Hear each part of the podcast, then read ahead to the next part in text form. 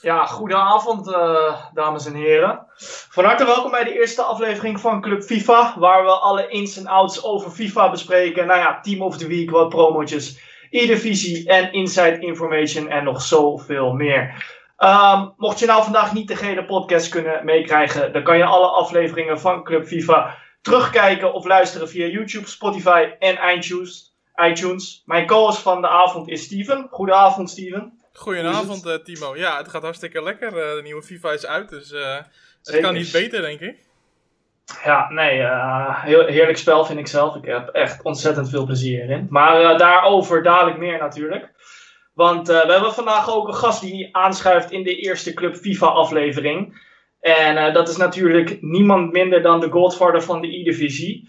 De man die zorgt dat alles op rolletjes loopt. Niemand minder dan Arnoud Schoon is. Hallo Arnoud, hoe is het ermee, jongen? Hey, Timo. Ja, het gaat wel goed. Het gaat wel goed. We hadden het er net al even over dat uh, alle ellende van nu aan de kant geschoven gaat het uh, persoonlijk wel goed. En uh, de E-divisie staat op het punt om, om, om te beginnen. Een maandje nog ongeveer, dus we kunnen weer.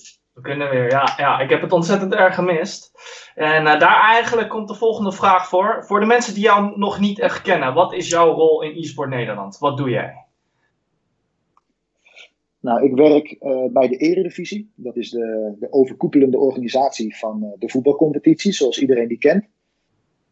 En wij uh, ja, behartigen de belangen van de 18 Eredivisieclubs. En dat doen we onder andere door de E-divisie te organiseren. Want dat doen we vooral om jeugd te bereiken, om nieuwe fans te creëren voor onze clubs. Dat doen we dus ook echt voor onze clubs. En die, die E-divisie die die mag ik, uh, die mag ik leiden. En ja, dan, dan, ik, ik ben een soort spin in het web met allerlei partijen eromheen. Dus we hebben DreamHack als onze strategische partner. We hebben eh, FBTO en binnenkort nog een tweede uh, commerciële partner, een sponsor zeg maar. We hebben alle 18 clubs die, die, die deelnemen. We hebben pers, media en nou, bijvoorbeeld podcasts zoals dit. En al die partijen die mag ik aan elkaar verbinden om een, uh, om een toffe E-divisie te organiseren.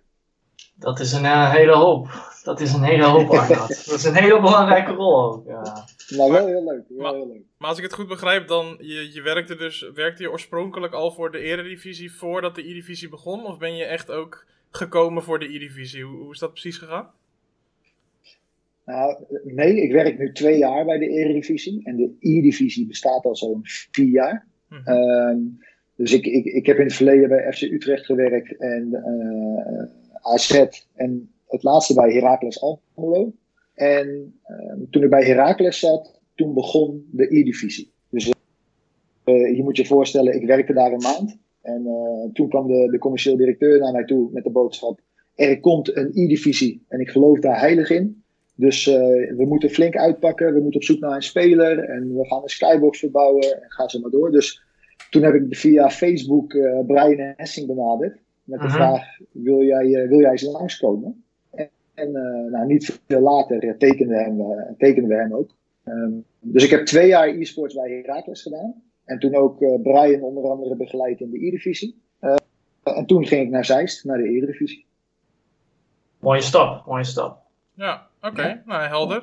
Um, sowieso ook voor iedereen die aan het kijken is. Het is misschien een beetje gek als je de podcast terugluistert. Maar we doen dit ook op, uh, doen dit live op Twitch. Dus er zijn uh, mensen die nu live aan het kijken zijn. Als je vragen hebt uh, voor Arnoud of voor, voor Timo of voor mij. Dan kan je ze in de chat gooien. En we zullen kijken wat we daarvan kunnen beantwoorden. Um, dus dan weet je dat ook. En als we dus een keer, als je dit terug aan het luisteren bent en je denkt van, hé, waar komt die vraag opeens vandaan? Dan heeft iemand dat dus in de chat gevraagd. Um, over vragen gesproken, misschien is het goed om uh, meteen eventjes uh, uh, te beginnen met het enige onderdeel dat ik weg heb gelaten uit de korte briefing die ik je heb gestuurd, Arnoud. Want ik vind het natuurlijk wel leuk om je eventjes met een knipoog voor het blok te zetten op een aantal punten. we gaan gewoon even een paar, een, een, een rijtje dilemma's voor, je, voor je klaargezet, waarvan we verwachten dat je zonder na te denken eigenlijk gewoon je eerste reactie geeft. Uh, je hoeft er nog geen toelichting bij te geven. We kijken even daarna of er wat opmerkelijks bij zit waar we, waar we nog even een toelichting op willen hebben. Um, dus uh, goed, nog even een slok water inderdaad. Um, goed. Um, Kom maar op. Voetbal of FIFA? Voetbal. E-divisie of eredivisie? Eredivisie. Ronaldo of Messi? Messi. Aanvaller of verdediger? Verdediger. Voor of achter de schermen? Achter de schermen. Trump of Biden? Biden. Gamen of voetballen? Voetballen. Frank de Boer of Danny Blind als bondscoach? Frank de Boer. En 4-3-3 of 5-3-2? 4-3-3. Oké, oké, oké, oké. Ehm, ja, eh, eh, voor of achter de schermen viel me eigenlijk al meteen op. Je kiest eh, ja, toch voor achter de schermen. Ben je, niet, eh, ben je niet zo van de publiciteit? Dat is heel gek als je nu hier zit, maar... Ja, nee, nee. Ik ben dat, ik ben dat eigenlijk nooit, nooit geweest. Ik, eh, en dat, dat kun je misschien ook wel een beetje zien aan mijn antwoorden. Dat ik, ik ben een voetballer. Ik heb voetbal al mijn hele leven. En ook in het veld ben, ik altijd iemand geweest die niet opviel. Maar eh, wel 90 minuten lang zeg maar de balans in het team hield. En, en, en alles gaf wat ik had. Maar ik hoefde achteraf niet zozeer schouderklopjes te krijgen of zo. En dat, dat is eigenlijk in mijn werk ook zo. Ehm, als je eh, naar mij op zoek gaat, dan, dan vind je niet veel. Ehm, eh, ook al werk ik bij de Eredivisie. En soms worden wij nog wel eens gestimuleerd om daar wat meer aan te doen. Om jezelf wat meer te profileren en dingen op LinkedIn te posten. En ga zo maar door. Maar ja, ik, ik weet niet.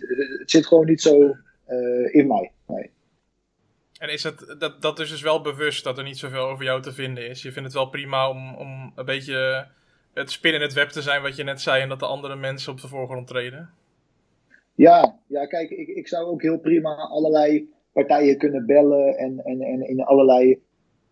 Ik zou ook zeg maar, proactief jullie kunnen bellen en zeggen: Yo, zouden jullie dus een interview met mij willen doen? Want ik heb heel veel interessante dingen te vertellen. Ja. En aan de ene kant is dat, zou dat misschien voor mezelf wel goed zijn, of zo op een of andere manier. Maar nee, ik, eh, het, het, het zit er niet in en dat gaat er ook niet in komen. Oké, helder. Eh, je verkoos ook FIFA, of eh, sorry, je verkoos voetbal boven FIFA. Ben je, ben je eigenlijk, daar had Timo ik het vanmiddag over, ben je eigenlijk überhaupt zelf een FIFA-speler? Nee, Nee? Daar kan ik ook heel kort over zijn. Dat had prima een dilemma kunnen zijn. Nee, ik ben geen FIFA-speler. Nee. Ik, heb de nieuwe game wel. En ik heb de nieuwe game ook al wel gespeeld. Maar ook, ook toen ik bij Heracles eh, zeg maar begon in e-sports. Mhm. Ik, ik, ik, ik, ik heb nooit actief of veel FIFA gespeeld. Nee. Ik, ik ben er dagelijks mee bezig. Maar het, het is niet zo dat ik, eh, dat, ik, dat ik daar veel, eh, eh, dat ik veel tijd stop in het spelen. Nee. Oké, en geen andere games ook?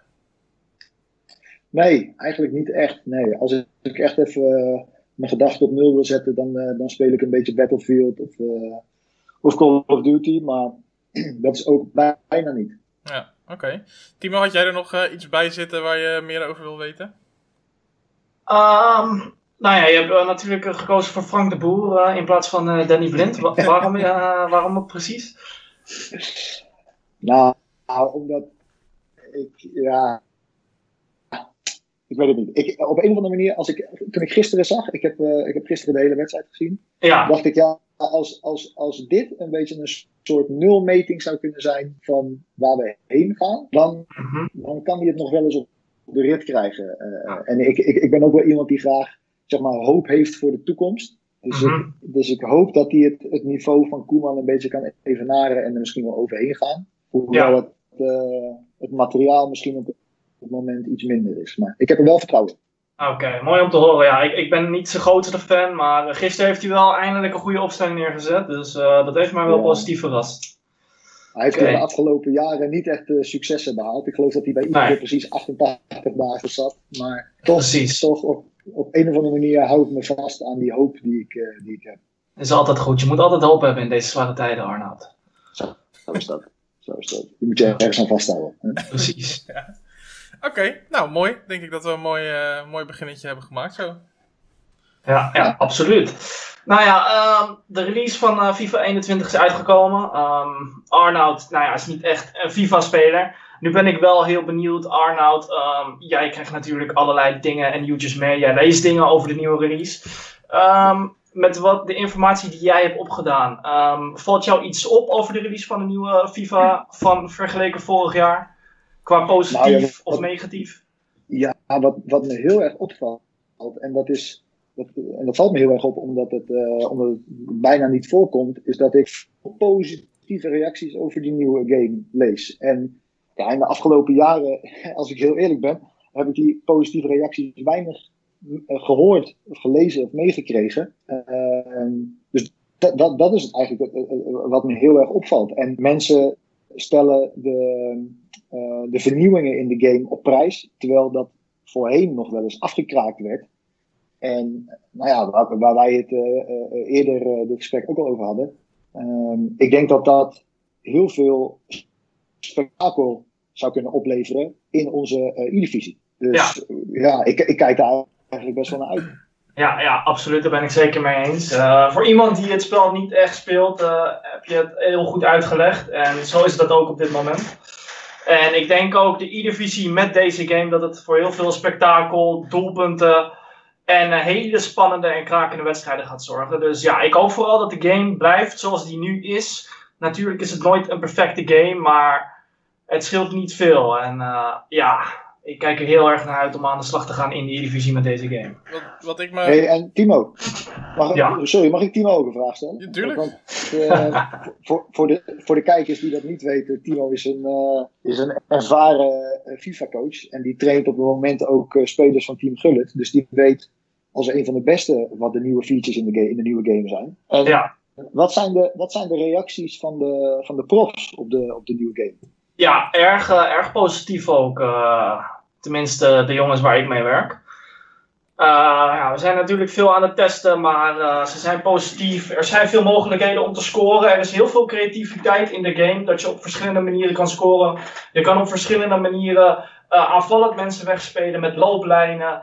Wat in FIFA 20 niet echt was. En je kan een, heel veel creativiteit loslaten in het manier doen van trucjes met de nieuwe mechanic. En dat is de skill cancel. Uh, ja, daar kan ik niet heel veel uh, over vertellen natuurlijk. Hè, want het moet ook wel geheim zijn. Voor de concurrenten. Maar nee, het is echt top. Het is echt top. hey, en en is, er, is er al een glitch ontdekt? ja, niet dat ik weet. Of, of niet dat je wil zeggen. Uh, ja, precies.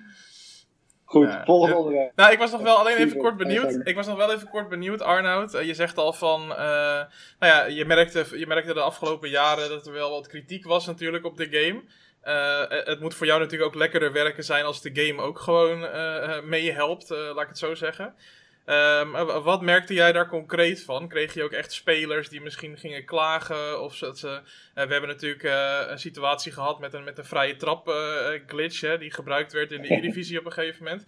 Hoe ga je daar als organisator mee om? Want ja, op een gegeven moment moet je natuurlijk ook zeggen, ja, het spel is het spel. En ja, ik, daar kan je natuurlijk als organisator niet zoveel aan doen. Lijkt me best wel lastig. Ja, ja.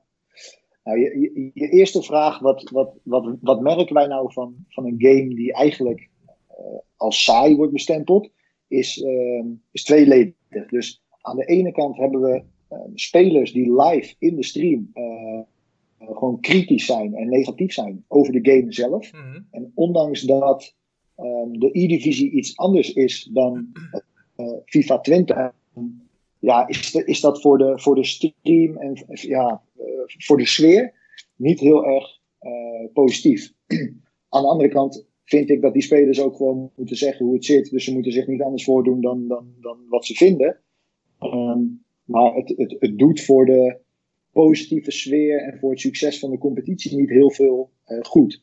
Dat is één. Het tweede is, en daar hebben we um, um, best wel wat, wat kijkers, denk ik, op verloren. Is dat er weinig actie in de wedstrijden zat. Er zaten zulke godshuwelijk saaie wedstrijden tussen. En ik heb wel eens, uh, ik, ik heb ooit een keer het aantal wedstrijden geteld. Dat is geëindigd in 0-0, 1-0 of 1-1. Nou, de tranen sprongen in mijn ogen. Want ja, dat, dat, dat waren er zoveel. En uh -huh. dat maakt natuurlijk een competitie niet uh, aantrekkelijker. Nee. Dus dat, dat, dat, uh, dat, dat hebben we er zeker wel van gemerkt, ja. Ja. ja. Okay. ja. ja, FIFA 20 was als het ware wel echt een defensief schaakspel. Um, ja. En in dat opzicht is dat deze FIFA veel minder. Natuurlijk heb je dat nog wel, dat je hele stugge verdedigende spelers hebt. Maar er is veel meer mogelijkheden in, in de counter en op af van het gebied. En dat is goed. We hadden ook uh, vragen in de chat gekregen van uh, Aflying Kayak. En hij uh, vroeg of het niet te vroeg was om het spel te beoordelen. En denk je niet dat de game-breaking mechanics gewoon nog ontdekt moeten worden? game-breaking mechanics, ja, moeten zeker nog ontdekt worden. Te vroeg ja, zoals het spel nu is, is, is het positief en dat is goed. En uh, we moeten vooral kijken naar nu. En ja, er, kan, er kunnen patches aankomen die het spel kunnen veranderen. Maar de basis en, en de grond is gelegd. En, en dat is goed en dat is positief. En ik denk dat zeker voor 80% het wel zo het aankomende jaar blijft. Dus uh, ja, zo, zo zie ik erin. Ja. Zo zit ik erin. Oké. Nou ja, goed, uh, dan denk ik dat we zo'n beetje met betrekking tot de release van FIFA 21, uh, helemaal omdat je zelf geen speler bent, Arnoud, uh, denk ik wel een beetje, een beetje besproken hebben. we maakten eigenlijk al een klein bruggetje net naar de E-divisie, waar je het ook had over nou ja, hoe de E-divisie was met FIFA 20. Um, mm-hmm. En hoe die straks gaat worden, daar gaan we het straks over hebben. Maar we wilden nog even terugblikken op ja, dit, dit jaar eigenlijk. En dan nemen we natuurlijk ook het seizoen mee dat in 2019 was begonnen. Uh, met de finale in, in Avas mm Live. Um, ja, ik denk als ik je om een hoogtepunt vraag, dan is het misschien wel echt een inkoppertje natuurlijk. Maar goed, laten we dat toch maar even doen. Arnoud, wat was je ja, hoogtepunt van de E-divisie tot nu toe? Ja, je, je, je noemde hem al. En kijk, Avas Live was, was niet alleen een hoogtepunt, omdat daar bijna 2000 man stond te juichen. En omdat, omdat dat er stadionliedjes naar elkaar gezongen werd. En dat, dat de hele sfeer van die hele dag gewoon fantastisch was en dat alles ook vlekkeloos verliep. Dat is hmm. echt uniek hè, bij dat soort evenementen. Ik heb wel eens in Barcelona met Brian gestaan bij IE-toernooien waar, uh, waar we zes uur moesten wachten. En toen werden we vriendelijk verzocht om de volgende dag terug te komen. Ja, en, en bij, bij ons verliep alles perfect. Wat voor mij echt de cash op de taart was, is dat ik aan het einde van die dag uh, uh, met, met, met, met tongen op de grond van vermoeidheid op een bankje zat, na te genieten. En dat de spelers langs mij heen liepen en die zeiden: Wat ik hier heb meegemaakt is abnormaal. Dit heb ik nog nooit, nooit gezien. Dit was fantastisch. Ja. En het waren. Dus en die, die, die waren uh, uh, ontzettend teleurgesteld omdat ze niet hadden gewonnen. Maar toch kwamen ze met dat bericht naar mij toe. Ja. En ik weet niet, ja, Timo, jij kent die jongens sowieso. En die, die, die groep jongens, die Eredivisie-spelers, zijn een van de meest kritische groepen mensen die ik ken. Uh, die spreken zich open en bloot uit over dingen uh, die ze niet fijn vinden, of waar ze tegen zijn, of waar ze kritisch over zijn. Dus dat die jongens naar mij toe kwamen en zeiden: Dit was geweldig, ja, dat, dat, dat, was, dat was te gek. Ja, het was, het, was ook, het was ook ongekend. Ik denk dat het qua e-sports evenement in Nederland een van de grootste is geweest. Het was echt. Uh, het was ongelooflijk. Het ontplofte op een gegeven moment. En in die finale, ja, dat ging er gewoon af. En dat is dan, ja, FIFA 20. Dus, uh, het is jammer dat nu corona is, maar FIFA 21 zou het dak er nog erger afvliegen, denk ik. Ja, ja nou ja, goed. Ja, dat, dat is meteen een bruggetje. Dat is meteen een bruggetje, denk ik, als we het dan over ups en downs hebben. Ja, het zijn wel hele erge inkoppers natuurlijk. Uh, maar ja, goed, het is natuurlijk ontzettend balen dat uh, ja, nou, wat was het? Vier wedstrijden, geloof ik, uh, het tweede seizoen uh, afgekapt moest worden. Ja, kun je ons nog een klein beetje meenemen in, in, in hoe dat precies gegaan is? Want ik weet nog dat jullie volgens mij op een, op een vrijdag bekend maakten dat inderdaad na het weekend dat er niet gespeeld zou worden. En dat het nog tijdelijk was. En op een gegeven moment was het toch zo van, nou, nu gaat het helemaal niet meer. nog een klein beetje schetsen voor de mensen die dat misschien niet meegekregen hebben. Ja, ja, natuurlijk. En er, er zit misschien ook wel wat informatie bij wat wat helemaal niet uh, naar buiten is gekomen. Uh, wat je zegt klopt, dat wij op een bepaald moment uh, voor de beslissing stonden. Ehm, is het nog verantwoord om komende maandag eh, te gaan spelen? Want ja, de, corona was toen nog nieuw en dat, dat ontwikkelde zich. Mm En eigenlijk, in alle eerlijkheid, waren er nou, net zoveel mensen die zeiden van ja, ik denk niet dat we het zouden moeten doen. Als dat er mensen waren die zeiden, nou, weet je wat, de, de belangen zijn zo groot. En weet je, er zijn zoveel partijen die hier zich in gemengd hebben. Waar, waarom niet? Zijn, zijn de risico's echt zo groot? Maar uiteindelijk hebben we op die vrijdag toch gezegd van nou, we gaan het risico niet nemen.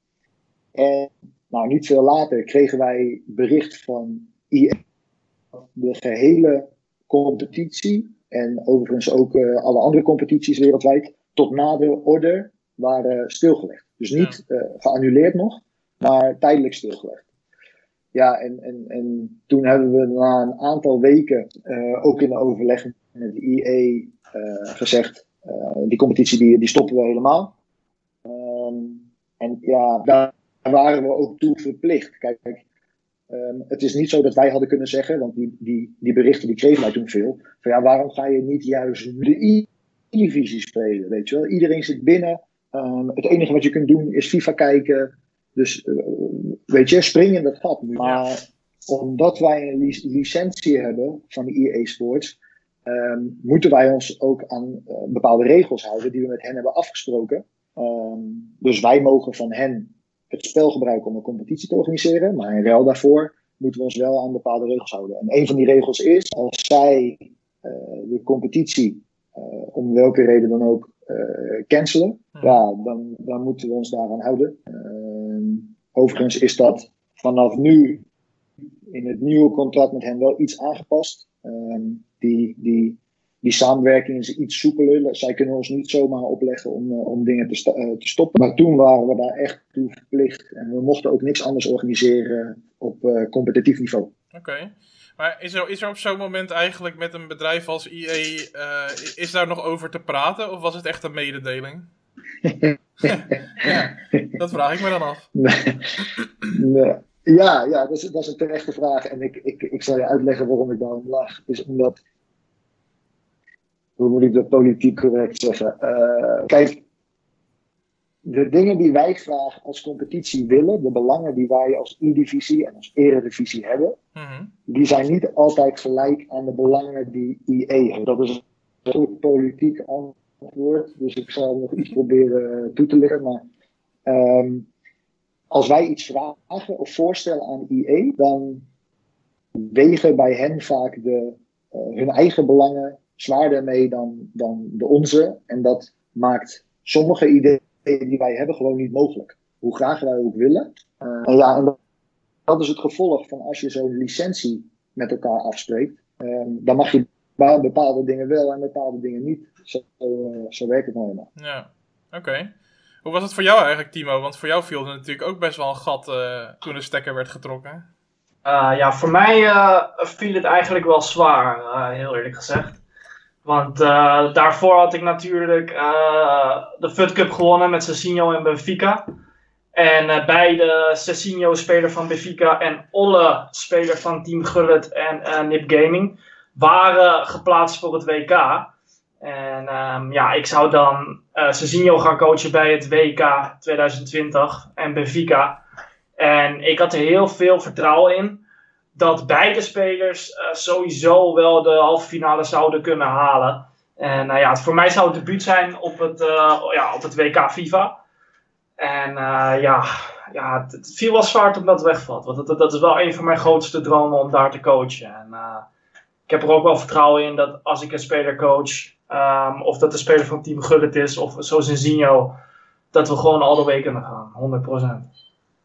Ja. Dus uh, ja, en de E-divisie werd ook stopgelegd. En ik moet zeggen, ik, ik hou erg veel van de E-divisie. Ik vind het hartstikke leuk. Um, ik ben ook ontzettend blij dat ik daar nu een rol in speel. Dat was vroeger wel anders toen ik op tv moest kijken. En uh, wel echt boos kon zijn dat ik daar niet bij was. En um, ja, het is voor mij zo leuk om daar elke week te komen en iedereen weer te zien. Het is een hele goede sfeer natuurlijk. En ja, je hebt gewoon mooie gesprekken met iedereen daar je hebt de wedstrijden die zijn heel spannend en, en je leeft er ook naartoe. En qua trainingen en qua coaching sessies met de spelers.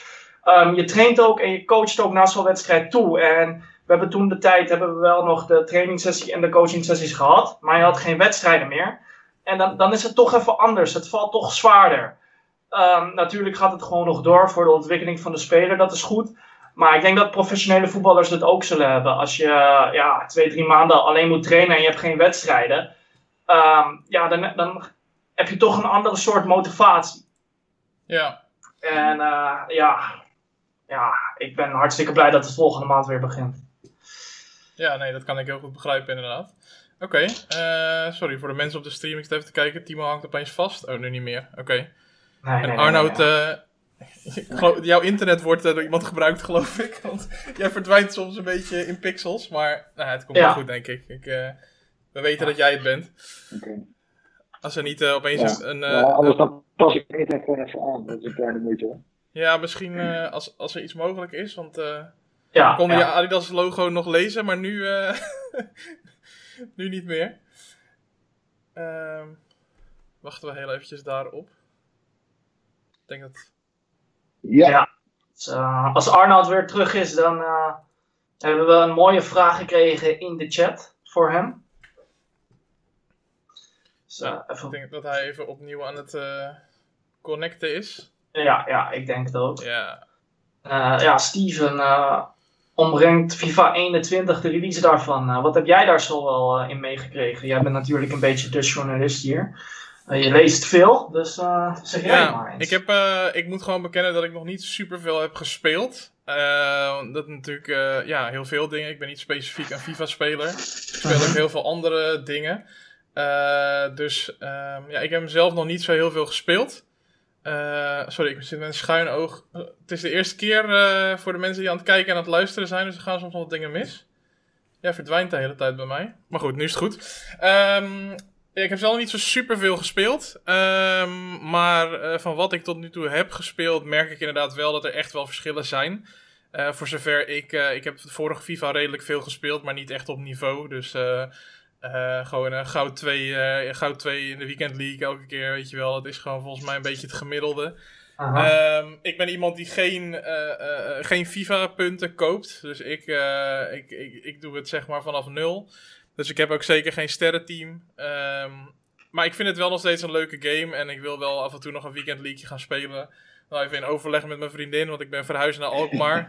en uh, zij woont in Amsterdam, dus als zij het weekend hier komt, zal ze niet zo blij zijn als ik 30 potten FIFA aan het spelen ben, denk ik.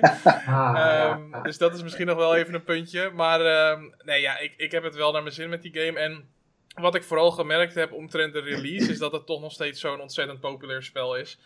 Ja.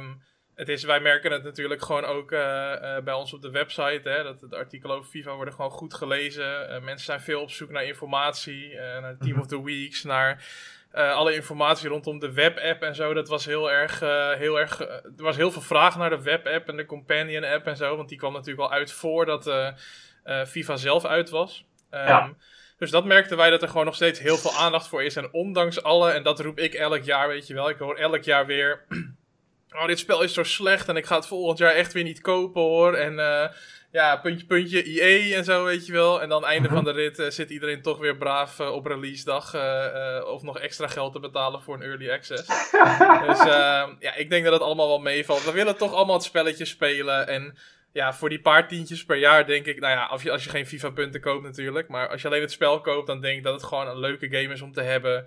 Ook om een keer op zaterdagavond met vrienden op de bank lekker te spelen. Wel maar met drie vrienden natuurlijk momenteel. Ja, ik heb uit.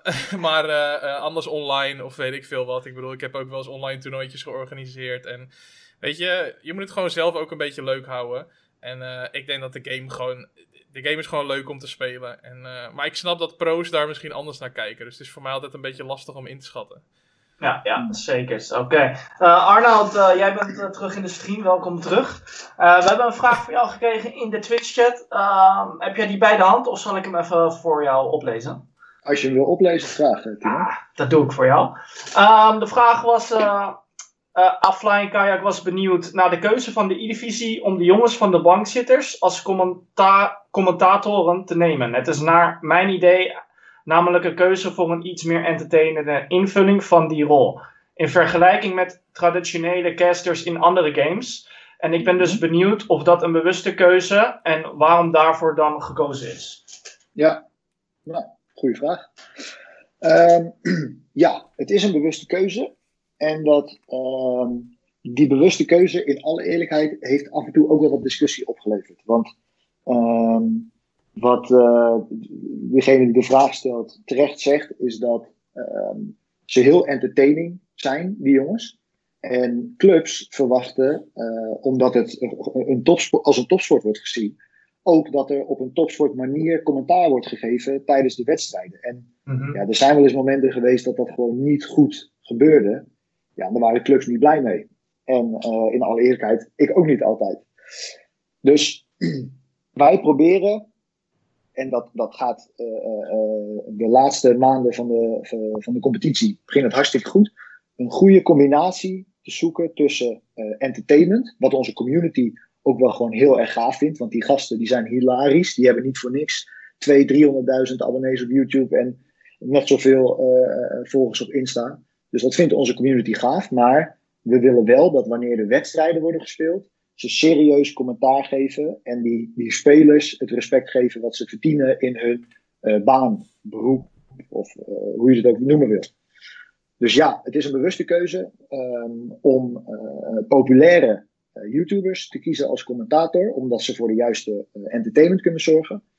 Maar um, bijvoorbeeld ook zoeken we wel naar jongens die ook gewoon verstand hebben van de game. Zoals uh, uh, Roelie. En uh, dat, die staat bovenaan in die groep met, met kennis over de game. Mm -hmm. um, we vinden het wel ontzettend belangrijk om hem er ook bij te hebben. Omdat hij absoluut iets toevoegt aan de, aan de, ja, zeg je dat, de, de professionaliteit van, van de competitie. Ja. Dus ja, we zoeken naar, naar een gezonde mix om, uh, en, en, we denken zo het beste te kunnen bieden. Mm -hmm. Nou ja, nee, ik denk dat het, uh, dat het op zich natuurlijk een verstandige keuze is. en ik denk ook dat we allemaal, als we de E-divisie een beetje gevolgd hebben, dat we inderdaad heus wel weten dat het soms, ja, misschien, dat het misschien niet, niet professioneel, maar wel entertaining was. Dus dan is inderdaad de vraag, ja, wat daar, wat daar de balans in is. Heb je het, ja. Uh, ja. het is natuurlijk niet, je kan natuurlijk niet zeggen dat komt door de commentatoren. Er zijn natuurlijk meerdere factoren die meespelen. Maar heb je iets gemerkt in uh, uh, kijkcijfers en dergelijke, ook wat dat betreft? Heb je gemerkt dat bijvoorbeeld, nou ja, ik kan me voorstellen dat als bankzitters dat gaan, gaan doen. en ik heb, ik heb ze af en toe in hun video's daar ook wel eens over horen praten van. Ik moet vanavond weer naar de E-divisie en zo. Gaan, merk je dan ook dat kijkers van de bankzitters ook opeens E-divisie gaan kijken? Of, of valt dat dan ook wel weer mee? Nou, die, die, die keiharde conclusie kan ik niet trekken. Dat, dat, dat, uh, dat, uh, dat wie dan ook, uh, Bassie of Koen of Frank, abonnees meenemen naar een E-divisie stream. Laat ik het maar even zo zeggen. Die, daar hebben we nooit metingen aan gedaan of zo. Maar ik ben er heilig overtuigd dat, me, dat een deel van onze kijkers ook kijkt om juist ook Frank en Koen en Bas en Raoul te zien. Want dat is ook gewoon heel tof om naar te kijken, laten we eerlijk zijn. Ja. Um, dus uh, ja, en dat is precies de reden waarom we die jongens ook in onze stream willen hebben. Zolang ze maar tijdens de wedstrijd ook de competitie uh, gewoon professioneel kunnen, kunnen behandelen. Zodat die jongens zich ook gewoon, die spelers zich ook gewoon serieus genomen voelen. Ja, ik moet eerlijk, heel eerlijk zeggen dat ik wel ook vind dat de commentatoren afgelopen seizoen, hoe verder het vorderde, um, hoe meer hun vooruit zijn gegaan professioneel. En dat ze dat uh, allemaal erg goed hebben opgepakt. Vergeleken de oudere seizoenen. En uh, ik moet zelf ook eerlijk zeggen dat ik ook altijd wel geniet van uh, Frank en Koen samen. En ik geniet ook altijd wel van Simon en Raoul samen, die de kleine analyses en de voorbeschouwingen bespreken. En ja, dat is een goede balans geworden en ze zijn daarin gegroeid. Dus ik wil tegen die jongens zeggen, mochten ze dit nog luisteren, dat ze uh, goed bezig zijn in dat opzicht. Zo ja. ja, absoluut. Ja, maar ik wil, ik wil eigenlijk ook wel een vraag terug, terugstellen aan degene die de vraag stelt. Oké. Okay. Um, zou je liever een E-divisie hebben waarin continu, zeg maar, à la studio voetbal of, of, uh, uh, of rondo, serieus over de competitie, de wedstrijden en de spelers wordt gepraat? Of zou je het juist leuk vinden om het te doen zoals wij het doen, namelijk af en toe wat uh, entertaining en uh, entertainment en wat grappigs tussendoor. En dan tijdens de wedstrijden weer over naar het serieuze. Daar ben ik wel benieuwd naar. Misschien, de, Timo, ik kan me voorstellen dat, dat onze community het juist gaaf vindt om die mix te hebben, toch? Ja, ja, ik denk dat de balans op dit moment ook erg goed gevonden wordt. En ja, natuurlijk, we zitten ook met een bepaalde doelgroep. En uh, ja, ik, ik, het is wel lekker hoor. Want elke, elke FIFA-wedstrijd kan niet heel serieus uh, worden. Want um, ja, sommige wedstrijden hebben nou eenmaal meer spanning. Sommige wedstrijden zijn iets saaiers. En uh, soms, ja, als de wedstrijd heel saai is, dan moet je er zelf ook het beste van maken. Dus als de commentators iets interessants vertellen of ze maken het spannender dan het is, dan is dat gewoon top. Ja, ja, dat, hebben ze, dat hebben ze ook tegen ons gezegd. Hè. Wij, wij hebben wel eens met ze om tafel gezeten. Ja. Nadat er een keer iets was voorgevallen. En toen zeiden ze, ja, Arnoud, luister dan. Die wedstrijden die zijn soms zo rete saai, dat wij er juist voor de kijkers nog iets van proberen te maken. Dus dan, dan, dan, ja, dan gaan we maar gewoon entertaining dingen doen, weet je wel. Dan gaan we geintjes uithalen en zo. Dan, dan, maakt, dan is het tenminste nog leuker om naar te kijken.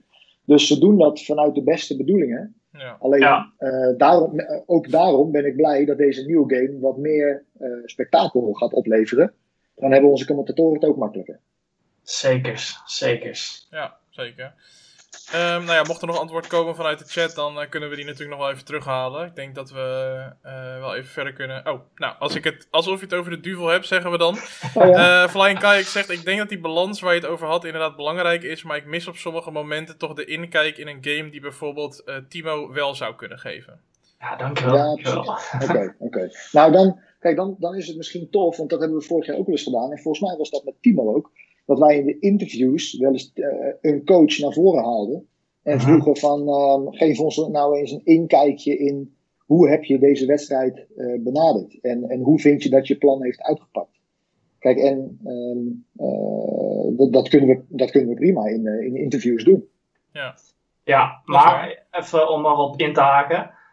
dat, dat is sowieso goed en da daar zijn interviews ook goed voor. Maar ik denk dat offline kajak een beetje bedoelt dat als die wedstrijd gespeeld wordt um, en bepaalde spelers doen bepaalde tricks of mechanics, dat de commentator ook daarachter kan, aan de kijker kan gaan vertellen uh, waarom hij dat op dat moment doet. Uh, wat voor truc het is, in welke situatie die goed is. Dus dat hij tijdens het commentaar een veel bredere analyse kan neerleggen van het spel. Ja. Um, en, dat is als commentator in andere games heb je bijvoorbeeld een uh, caster en een co-caster. Uh, ik heb dat ooit een keer in Rocket League gedaan voor de ESL. En ja, ik was een beetje de entertainer. En de andere uh, caster naast mij, die was echt degene die kennis van de game had. Dus die was constant aan het uitleggen van... Oké, hij doet nu een trickshot, een trickshot vanaf de wal. En dit doet hij om dit en dat. Die heeft hij zo gecalculeerd, bla bla bla. En dan ging hij al die mechanics uitleggen. En dat is wel iets voor de commentators die uh, in andere e-sports dat ook hebben. Um, om te gaan leren. Want het is ontzettend interessant en boeiend voor de kijker om dat te weten. En in de E-divisie gaat daar dan ook op vooruit. Want dan kijken ze niet alleen de games, maar dan leren ze ook dingen en pakken ze dingen mee. En um, ik heb vroeger bijvoorbeeld uh, heel veel een kaartspel gespeeld, Hearthstone. En dan keek ik ook toernooien om echt te leren. En uh, als dan de commentators uitlegden waarom dat zo was, of hoe je het op die manier moet bespelen, uh, ja, dan leer je er gewoon veel meer van. En ja. ja. dat is iets waar we in kunnen groeien als de divisie. Dus uh, ja, dat, dat, dat, moet je even doorgeven, Arnoud. Steek ik in mijn zak. Nee, ja. maar ja, Steven heeft daar ook wel ervaring mee. Hij is uh, natuurlijk een League of Legends expert. En uh, daar gaat het volgens mij ook zo. Toch? Ja, bij League heb je inderdaad ook, en uh, dat hebben ze natuurlijk niet bij League uitgevonden. Dat komt uit de sportwereld natuurlijk. Je hebt gewoon een, ja. een play-by-play caster en een color caster. Ah, en ja. de namen verklappen het eigenlijk al. De play-by-play caster die zegt het echt letterlijk, nou die doet nu dit en die doet nu dat. Uh, en die kan ook mhm. vaak heel snel praten. en dat is zoals bij een game bij League of Legends ook wel moet. En een colorcaster die kleurt het allemaal in. Dus die uh, kan gewoon opeens, dat is zeg maar een beetje uh, Siert de Vos, maar dan light, zeg maar. Dus die kan gewoon vertellen van, nou, mhm. Brian Hessing, die was in dat en dat jaar kampioen. En heeft dat en dat allemaal gepresteerd. En als er dan iets gebeurt, dan neemt de play-by-play-caster het zeg maar over. Die kan zeg maar inbreken. Dus dat is een beetje de manier waarop het in andere e-sports gedaan wordt. Maar ik denk dat, ik hoorde net ergens al het woordje doelgroep een paar keer vallen. Ik denk dat het belangrijk is om te denken aan, en daar zullen jullie natuurlijk de hele tijd mee bezig zijn, Arnoud. Van wie kijken nou eigenlijk de E-divisie? Zijn het de diehard e-sporters? Zijn het, uh, uh, met alle respect, uh, jonge jongens en meisjes die gewoon FIFA een leuke game vinden? misschien in een leeftijdscategorie van, ik noem maar even wat, 15 tot 18 of zo. Ik, ik noem gewoon even willekeurig iets. Uh, ik, ik, denk dat dat ook wel een belangrijk punt voor jullie is natuurlijk. Hebben jullie daar een beetje zicht op eigenlijk? Wie, wie zeg maar nou echt de E-divisie-kijker is? Uh, ja, we hebben daar wel een paar gegevens van. Uh, maar we hebben niet het gegeven wel, welk percentage is daarvan diehard gamer en welk is casual gamer. En welke kijkt gewoon omdat hij Frank van der Slot super grappig vindt. Ja. Dat, dat niet, maar we weten wel dat onze groep kijkers tussen de 7 en 24 jaar oud zijn. Met een, uh, met een, uh, met een kern tussen de 14 en 20 jaar. Ehm, en dat dat 85% man is. Ehm, en ja, verder wat ons betreft ehm, hebben wij de afgelopen jaren ook wel een soort als, als, als ja, ik wil niet zeggen test, maar we halen wel elk jaar weer lessen uit wat werkte wel, wat werkte niet. Mhm. En uh, ik hoor wel wat jullie zeggen dat um, je eigenlijk een grotere groep mensen bereikt als je aan de ene kant uh, entertainment kan bieden, wat heel veel mensen uh, heel leuk vinden, maar tegelijkertijd ook gewoon serieuze insights van de game kan bieden, zoals Raoul bijvoorbeeld heel goed kan. Dan bereik je ook nog de groep die, um, die serieus iets wil leren over de game en beter wil worden. En ja, dat is voor ons natuurlijk van belang dat we zoveel mogelijk mensen enthousiast maken en naar de E-divisie laten kijken. Dus ja, die tip uh, helpt alleen maar. Ja, oké. Nou ja, ik denk uh, dat het altijd een interessant onderwerp is om het over te hebben, inderdaad. Yes. En ik denk dat ook iets wat bij jullie altijd leeft, natuurlijk. Ik bedoel, uh, er komt natuurlijk ook een moment dat deze jongens uh, niet meer willen of niet meer kunnen. En dan zal je toch weer op zoek moeten naar iets nieuws. En ja, de vraag is dan natuurlijk waar je dan voor gaat. Dus, uh... ja, ik hoorde dat, uh, dat Timo uh, de entertainer is, dus die kan ik nog in mijn achterhoofd Ja, Timo. ja, ja, we staan daar altijd voor open. Ja, maar ja, Timo coacht 86 spelers, dus dat...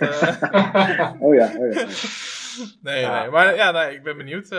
Maar trouwens, als we, dit is misschien een beetje op de feiten vooruitlopen, maar hebben we dit se komend seizoen dezelfde samenstelling aan, aan, aan, aan, aan, aan crew, aan staf, aan, aan presentatoren, of is er nog wat veranderd?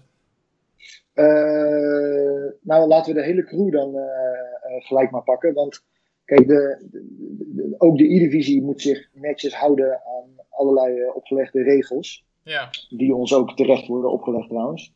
Um, dus dat betekent ook dat wij de vormgeving zoals we die vorig jaar hadden, gewoon niet meer kunnen doen. Want mm -hmm. dat betekent dat er 30 man crew aan de gang is om een uitzending mogelijk te maken. Dan zit er nog even 60 tot 90 man publiek bij. En dan ook nog 36 spelers die er rondlopen. En dan ook nog die gekke coaches die er allemaal uh, bij zijn. ja. Dus dat, dat, dat, dat gaat niet. Dat gaat niet. Dus uh, we gaan komend seizoen ook uh, voor een groot deel online spelen. Dat kan niet anders. om, om de risico's te verkleinen. En ja, als je online speelt. En die jongens die spelen of thuis of in het stadion. Waar dan ook.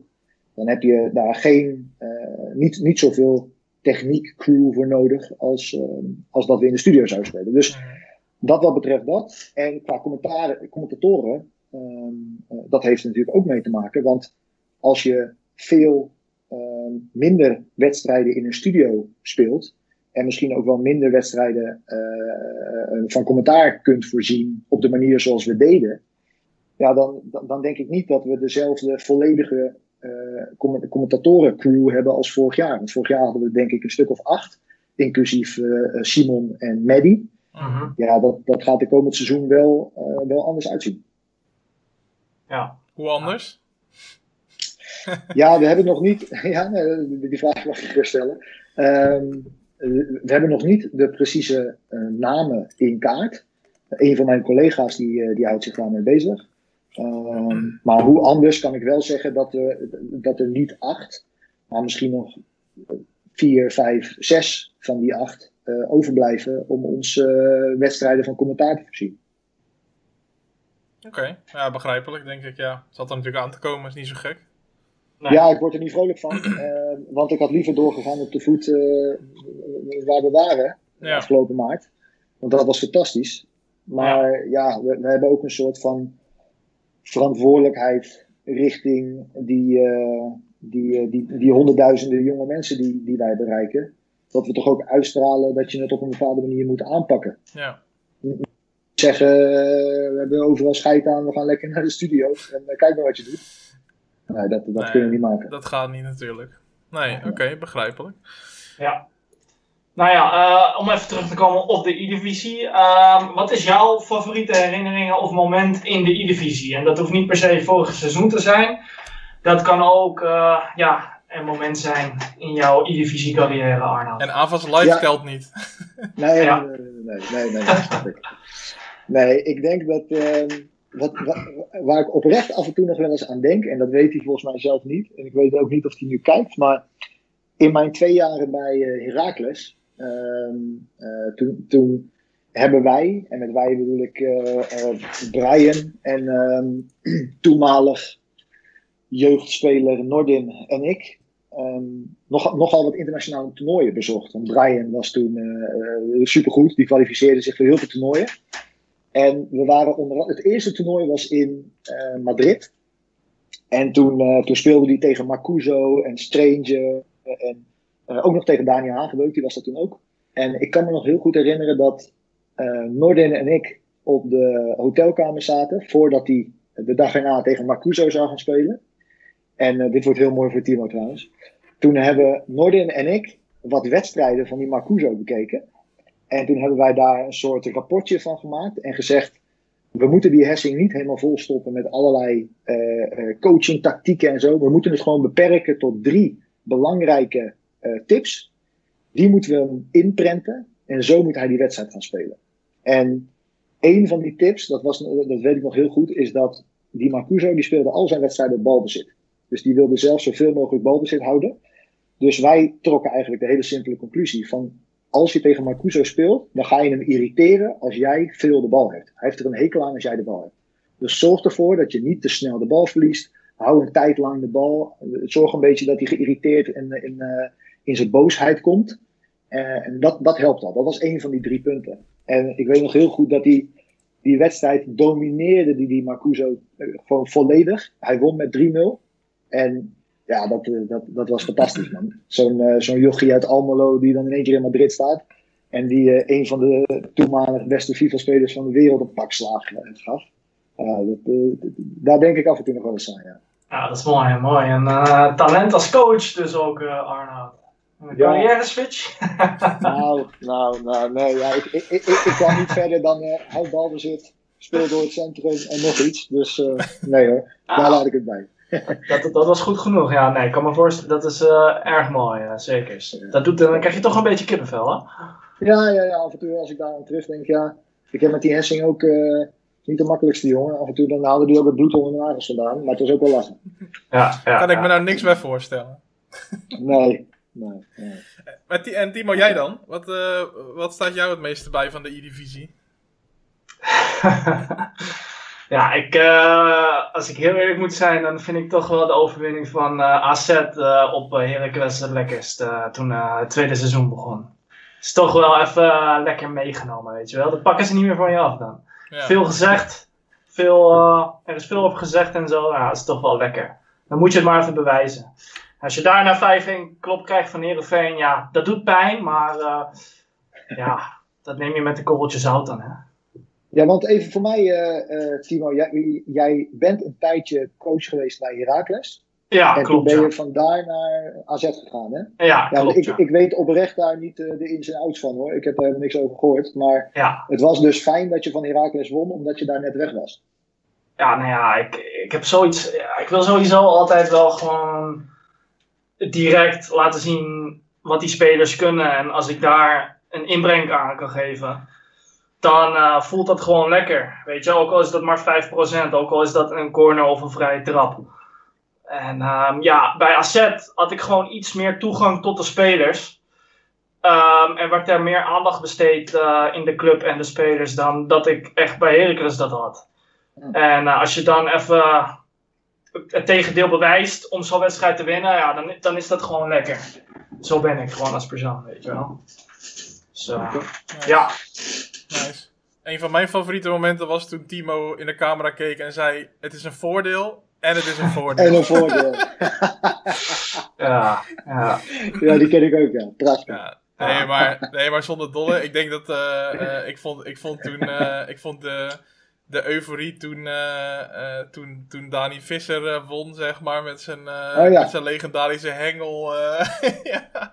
ja. dat vond ik toch ook wel. Ik vind, het, dat, ik vind dat bij alle e-sports hoor, die ik kijk, zeg maar. Dat is ook bij League of Legends zo natuurlijk. Als je echt ziet dat spelers echt tot het uiterste gaan. En dan zie je dus echt gewoon van.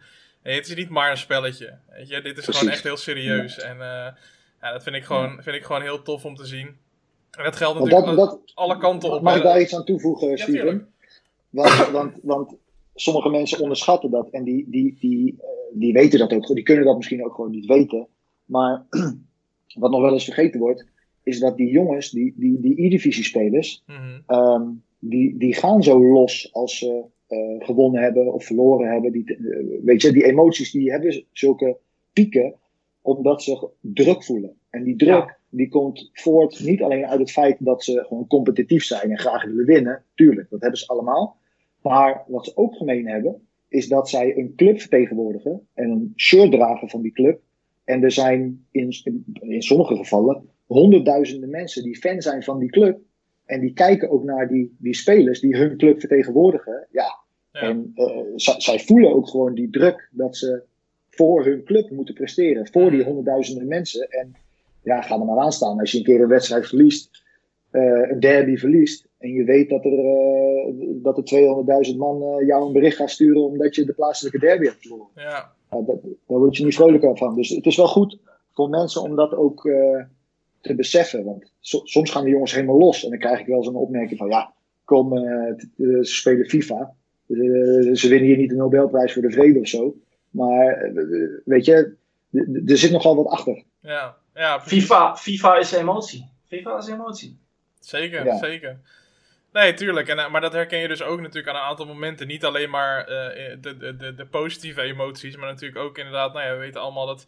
eh, dat was natuurlijk in het, het seizoen wat wel afgemaakt is, dat er natuurlijk op een gegeven moment wat discussie was over. eh, was het nou Brian Hessing, die, waarvan gezegd werd dat hij geen interview wilde geven?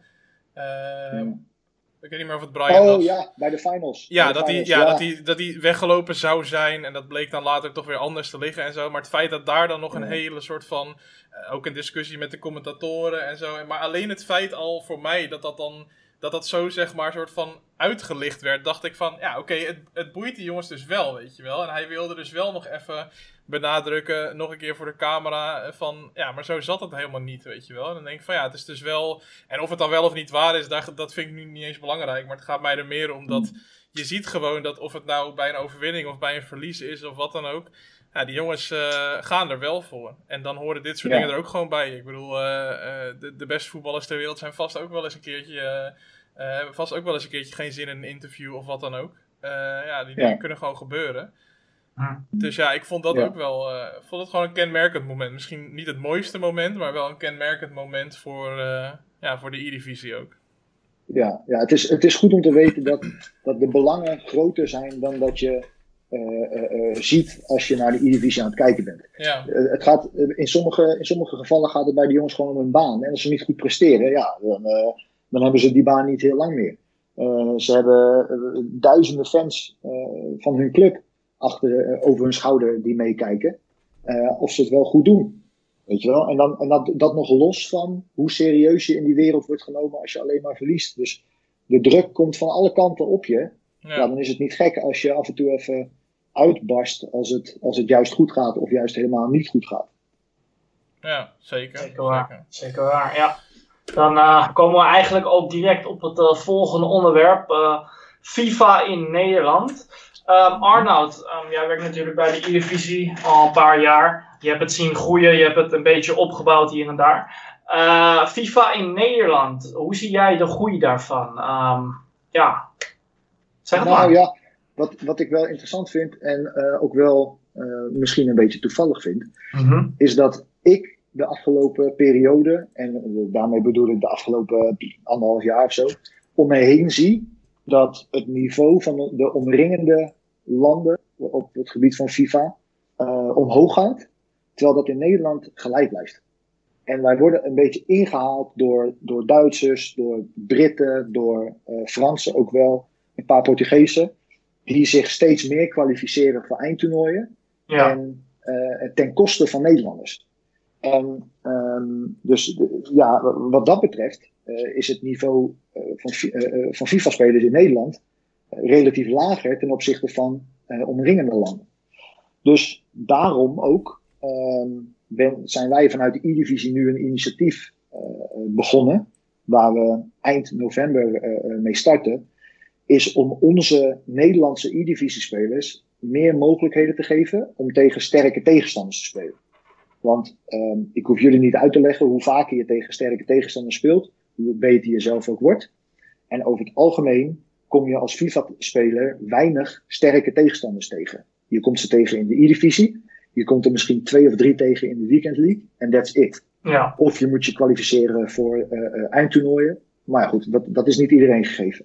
Ja. Dus wat wij gaan doen is uh, gewoon op structurele basis oefenwedstrijden inplannen voor onze E-divisie spelers tegen internationale topspelers op die manier zorgen we ervoor dat ze meer en meer tegen sterke tegenstanders gaan spelen. En zo een, om zo een uh, uh, niveau omhoog te krijgen. En hopelijk ze ook vaker op die eindtoernooi te krijgen. Oké. Ja, precies. Ja, het is ook wel zo, um, als ik kijk naar de E-divisie professionals. Um, een, klein, een klein groepje dat oefent dan wel tegen uh, bepaalde betere spelers van het buitenland. Maar er is eigenlijk een heel groot gedeelte die dat niet doet. En ja, als je ook niet echt een duidelijk plan hebt uh, qua trainen. En als je niet een duidelijk plan hebt of afspraken met betere professionals om dat om de week of zo te doen, oefenpotjes, dan ja, is het moeilijker om te groeien. En uh, ja, het helpt natuurlijk wel als je mensen hebt, of een coach of een management die je daarbij helpt. En die ook uh, connecties met bepaalde spelers echt heeft. Maar ja, als je alles in je eentje moet doen, dan is dat natuurlijk lastig. Maar uh, ja, er is veel social media, dus je kan altijd mensen DM'en. En uh, ja, het is, het is wel echt hard werk als een e-sporter. Mensen denken soms dat het alleen maar weekend spelen is en dit en dat. Maar ja, er komt echt veel meer bij kijken. En wat Arnold al zegt, um, om een bepaald niveau vast te houden en om beter te worden en om je vervolgens ook te kwalificeren voor internationale events. Daar komt nog veel en veel meer bij kijken dan echt alleen weekend niet spelen. En uh, soms je games terugkijken. Dus uh, ja, dat is het vooral. En uh, ja, we hebben het nu natuurlijk over professional niveau. Maar wat vind jij over het algemene groei van FIFA in Nederland? En dan hebben we het echt over de populariteit van de game. merk je echt dat het. Ja, ik vind dat FIFA in Nederland de populairste game is. Uh, ja, hoe, hoe, kijk jij daarna? Hetzelfde. Kijk, uh, ik weet niet of jij het zei of dat Steven het zei, maar mij verbaasde het ook wel weer hoe populair de, de launch van FIFA 21 was. Ja. Um, en, want toch op een of andere manier bekruipt je het gevoel van, ja, ik heb toch het idee dat het dit jaar net iets minder is, weet je wel.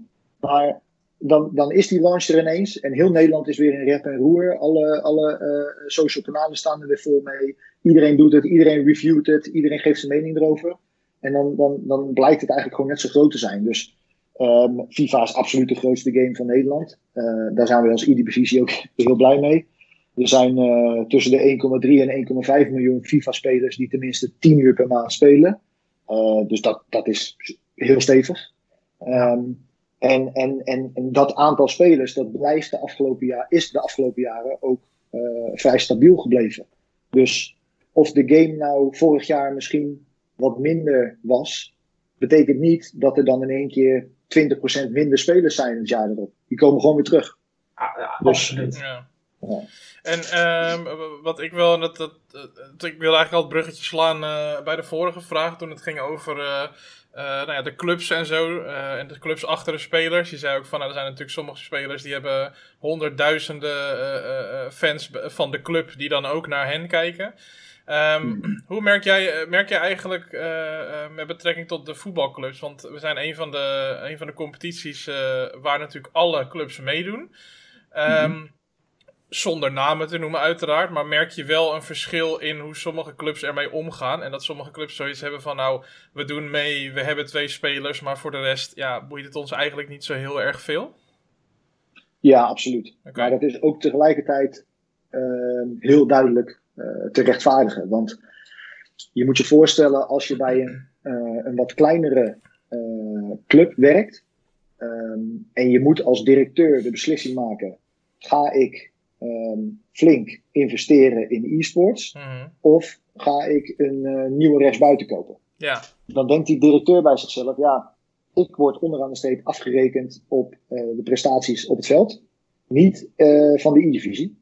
En um, ik, ja, dan is de keuze snel gemaakt. Want de budgetten zijn niet oneindig. Dus mm -hmm. ik kan dat hartstikke goed, uh, hartstikke goed begrijpen. Ja. Wat ik wel vind, um, en dat, ja, ik heb het geluk dat ik dat bij Heracles mocht. Kijk, bij Heracles leefde, en dat leeft nu nog steeds, het gevoel dat in e-sports heel veel uh, potentie zit. Mhm. En als je ergens potentie in ziet, dan, ehm, eh, en je hebt een beetje ondernemingsgeest, dan moet je ook durven te investeren om daar uiteindelijk iets van terug te krijgen. En bij Herakles was dat eh, precies zo. Daar werd eerst stevig eh, geïnvesteerd om daar een skybox te verbouwen, om Brian aan te nemen, om toernooien te organiseren, om prijzen weg te geven die bizar waren. Nou, dat soort dingen. Maar vervolgens werden er wel zes partners van 25.000 euro uh, gebonden.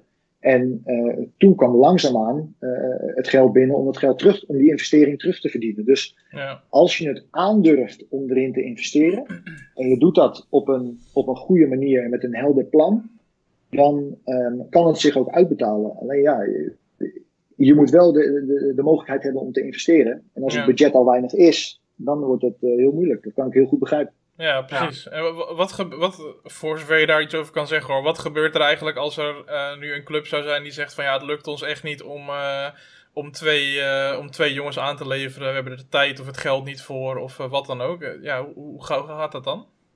Dat kan niet. Oké, Je moet deelnemen aan de E-divisie als je in de Eredivisie speelt. Het, ehm, het gaat zelfs zo ver dat, ehm, dat nou ja, als je dus promoveert en eh, je wil graag dat jouw eh, eh, club op het veld gewoon mag spelen in de Eredivisie, Mhm. dan moet je deelnemen aan de E-divisie. Er is geen, eh, geen ruimte in.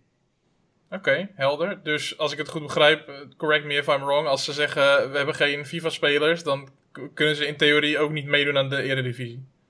Zo is dat. Oké, oké. Duidelijke taal. Ja, Maar, ja, en sorry, ik heb nog één vervolgvraag daarover. Maar en hebben, jullie dan, hebben jullie daar nog een, een, een rol in? Dat jullie dan zeggen van nou, wij kennen misschien nog wel wat, wat jongens. Of, of er zijn misschien wat jongens die zonder club zitten of zo. Hebben jullie daar dan nog een functie in? Of is het echt, ja, ze moeten het maar uitzoeken. Dan zeg ik het nu even heel grof. Maar Ja. Nee, nee, nee, nee. Ze hoeven het niet uit te zoeken. Kijk, dat is precies die, een van die functies van de spin in het web. En een van die partijen waar wij mee te maken hebben, of de- een groep, ehm, dat zijn die clubs. En sterker nog, wij, wij zijn de clubs. Wij, wij vertegenwoordigen de clubs. Wij, wij werken in dienst van de clubs. Dus je zou kunnen zeggen dat wij alles eh, in het werk moeten stellen om die clubs beter te maken. Dus wanneer, eh, ehm, eh, nou, in het voorbeeld wat jij schetst, als er een club bij ons komt en zegt, joh, Arnoud, we zitten met de handen in het haar en we kunnen maar geen spelers krijgen, we hebben geen geld en nou ja, weet ik wat. Ja, dan, dan, dan zijn wij de eerste die, die de telefoon oppakken en allerlei agencies gaat bellen en zeggen, je moet ons uit de brand helpen en eh breng ons twee spelers, absoluut. ja, oké. Oké, interessant. Dat is wel, eh, Ja. ik, ik had niet gedacht dat het zo, eh, eh, ja, dat, dat die connectie zo was tussen de, tussen de E-divisie en de Eredivisie, zeg maar. Ja. Ehm, Interessant. Ja. Om, Ik kan je ook nog wel vertellen hoe dat, hoe, hoe dat tot stand gekomen is hoor, want Ja, Kijk, de, je, je moet ook weten dat ehm, de clubs hebben hier allemaal zelf voor gekozen mhm. om, om, om een E-divisie te starten. Daar hebben ze allemaal hun akkoord gegeven. En ehm, dat komt omdat iedereen de potentie zag om eh, de E-divisie in te zetten om jonge fans te binden.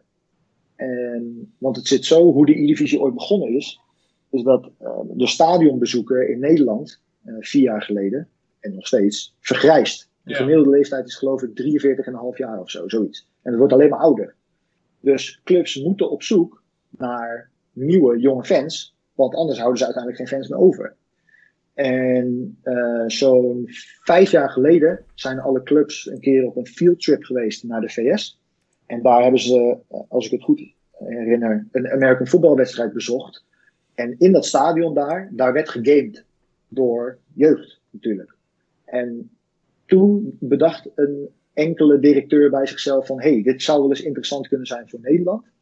Ja, en toen is dat balletje gaan rollen. Toen, eh, toen heeft mijn collega Mark een plan geschreven van hoe zouden we dat kunnen aanpakken. Mhm. En ehm, eh, nou, het duurde even voordat we akkoord kregen vanuit IE, maar uiteindelijk eind 2016 is daar eh, door alle clubs akkoord op gegeven. Dus het is ook goed om te weten dat alle clubs ook gewoon bewust meedoen om jonge fans aan zich te binden. Dus het is eigenlijk ook wel gewoon in hun belang Ja. dat ze deelnemen aan de E-divisie. Ja, tuurlijk. Nee, ja, absoluut. Dat, eh, dat heb ik wel gemerkt in de aantal clubs uh, die ik gesproken heb. Die zijn er ook heel uitgesproken over. Die zeggen ook eigenlijk inderdaad allemaal van ja, het is voor ons natuurlijk ook. Uh, het is uiteindelijk ook een stukje marketing. Ik bedoel, uh, kunnen ja. we er moeilijk over doen. Het is natuurlijk hartstikke leuk om naar te kijken. En het is, het is e-sports, maar het is ook een stukje marketing. Dus ja. inderdaad belangrijk om aan mee te doen. Um, Misschien uh, uh, ja, ook wel een goed bruggetje naar het volgende onderwerp. Want die clubs willen natuurlijk dat hun spelers, als ze dan meedoen aan de E-divisie, tenminste het grootste gedeelte wil, dan in ieder geval dat ze het ook serieus nemen. Mm. Vanuit jullie uit neem ik aan dat die vraag er natuurlijk ook is om het serieus te nemen, om de wedstrijden serieus op te pakken, om zich een beetje normaal te gedragen op dingen als social media en dergelijke. Hoe, hoe, hoe kijk jij daarnaar, naar uh, ja, het serieuze nemen van een FIFA-carrière en, en hoe staat dat ervoor? is een beetje ook uh, een, een, een, bruggetje vanuit hoe het niveau van FIFA in Nederland is natuurlijk. Dus hoe, ja. ja hoe gaat dat volgens jou momenteel? Nou, daar kan ik twee dingen over zeggen. Het eerste is dat um, in hoeverre een club het serieus neemt, hangt eigenlijk af van twee dingen. Namelijk en um, de, de beschikbare middelen die ze hebben. Mhm. Ehm, nee, eigenlijk drie dingen. De beschikbare middelen die ze hebben, het geloof van de mensen die daar eh, de touwtjes in handen hebben in e-sports. Zijn zij, uh, geloven ze in e-sports en willen ze daarin investeren überhaupt? En de uh, spelers, de FIFA-spelers die ze aan hun club gebonden hebben. Uitstekend voorbeeld, Aristot gaat voor Sparta spelen. Mm um, Aristot neemt dit, de E-divisie en FIFA e-sports bloedserieus. En um, um, de, de spelers die voorheen bij Sparta zaten, Thomas en Bo, net iets minder. Ja. Dus met Aristot groeit zeg maar, ook wel de, de mate waarin Sparta uh, de E-divisie serieus neemt. Dus uh, dat is ook wel uh, van invloed. En ik, ik merk wel dat, ook al gaat het niet heel snel, um, groeit wel de, het aantal clubs wat de E-divisie en e-sports serieus neemt. En dat is eigenlijk ook wel gebruikelijk dat er altijd een paar clubs zijn die, uh, uh, die er heilig in geloven en die nemen het voortouw. En er zijn altijd clubs die wat achterblijven en die denken van nou, ik ga eerst maar eens kijken of het werkt. En als het werkt, dan sluit ik aan. Ja. ja. Um, en het tweede wat ik erover kan zeggen is dat wij als E-divisie um, uh, algemene voorwaarden hebben. Dat is een, een document van, ja, ik weet niet, 15 pagina's of zo. Waarin wij zaken uh, op papier zetten die we afspreken met de clubs. En ook in die algemene voorwaarden zorgen wij ervoor dat een bepaalde mate van professionaliteit uh, gewoon gewaarborgd is. Dus om een voorbeeld te geven, uh, alle spelers moeten in de E-divisie met, het, met een officieel wedstrijdshirt spelen.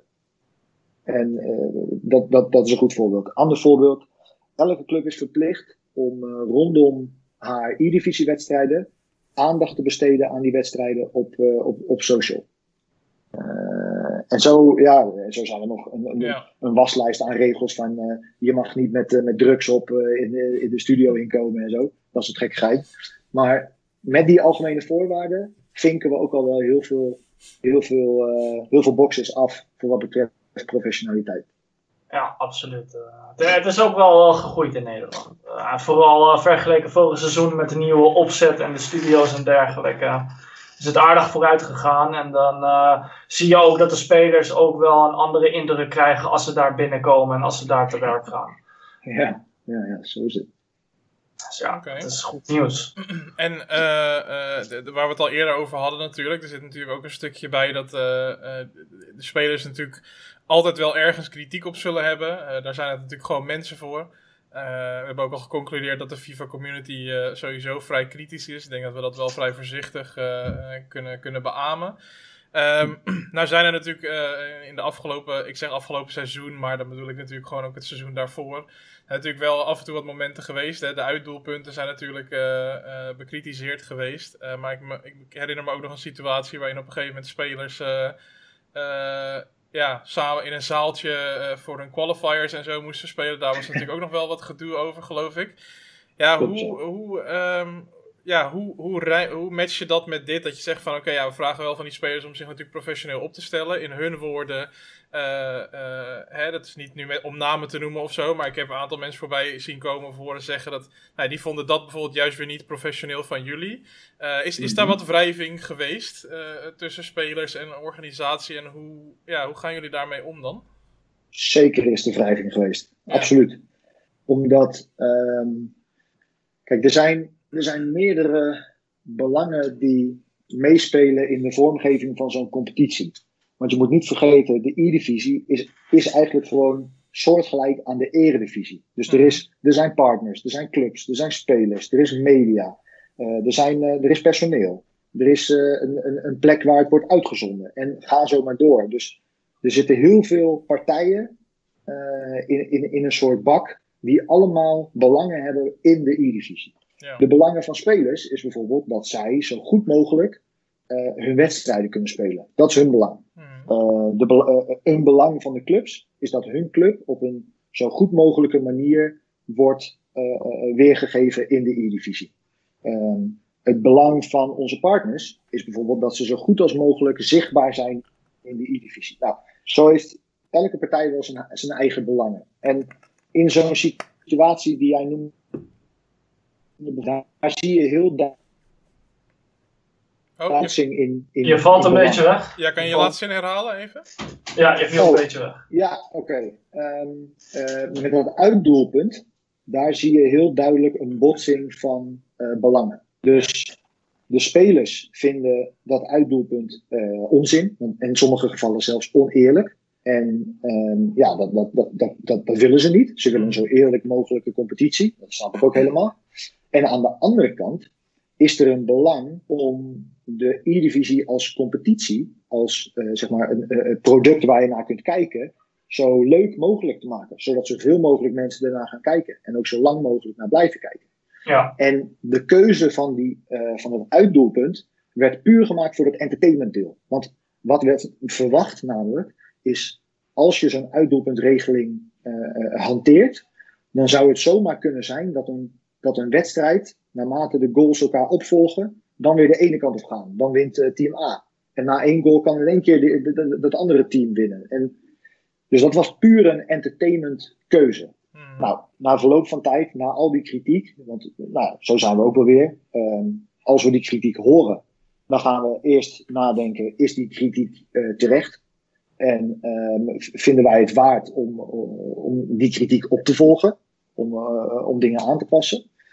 Maar goed, als die kritiek zo duidelijk is en zo goed onderbouwd als uh, met dat uitdoelpunt, ja, dan zeggen we ook gewoon van jongens, oké, okay, weet je wat we doen? We gaan in seizoen 2, uh, dus wat, dat seizoen wat is stilgelegd, halen ja. we het uitdoelpunt eruit. En dan gaan we achteraf bepalen welke van die twee seizoenen nou gaver was. Met uitdoelpunt of zonder uitdoelpunt. En dan gaan we daarna bepalen hoe we verder gaan. Uh -huh. Ja, en, en dat, dat, datzelfde was, uh, nou niet datzelfde, dat, dat verhaal met, die, uh, met het spelen van die E-Club World Cup ja. uh, gedurende de E-divisie.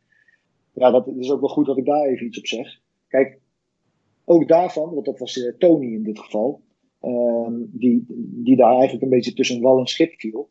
Kijk, dus de, de, belangen van de spelers is dat zij zo goed mogelijk kunnen presteren op die E-Club World Cup. Want dan kunnen ze zich gewoon voor een gaaf toernooi kwalificeren. Dat, dat wil iedereen. En ja, daarna moeten ze ook gewoon nog goed kunnen presteren in de E-divisie. Dus daar zit dat belang.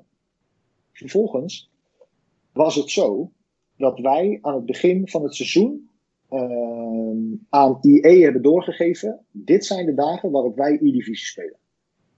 Ja, en als daar dan vervolgens evenementen worden gepland of toernooien worden gepland op dezelfde dagen dat wij E-divisie moeten gaan spelen, uh -huh. ja, dan, dan moeten wij dus een keuze maken.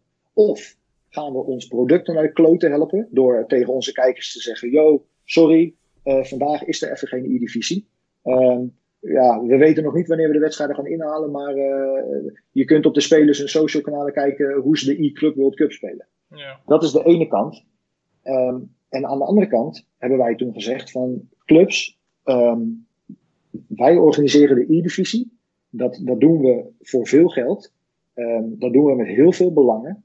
Dus we gaan niet zomaar, omdat er een ander toernooi wordt georganiseerd, een hele wedstrijddag stilleggen. Dat, dat, dat kan niet. Hmm. En um, wat we toen wel hebben gedaan, is uh, uh, ervoor gezorgd dat wij zo goed als mogelijk faciliteiten hebben geboden om allebei te kunnen spelen.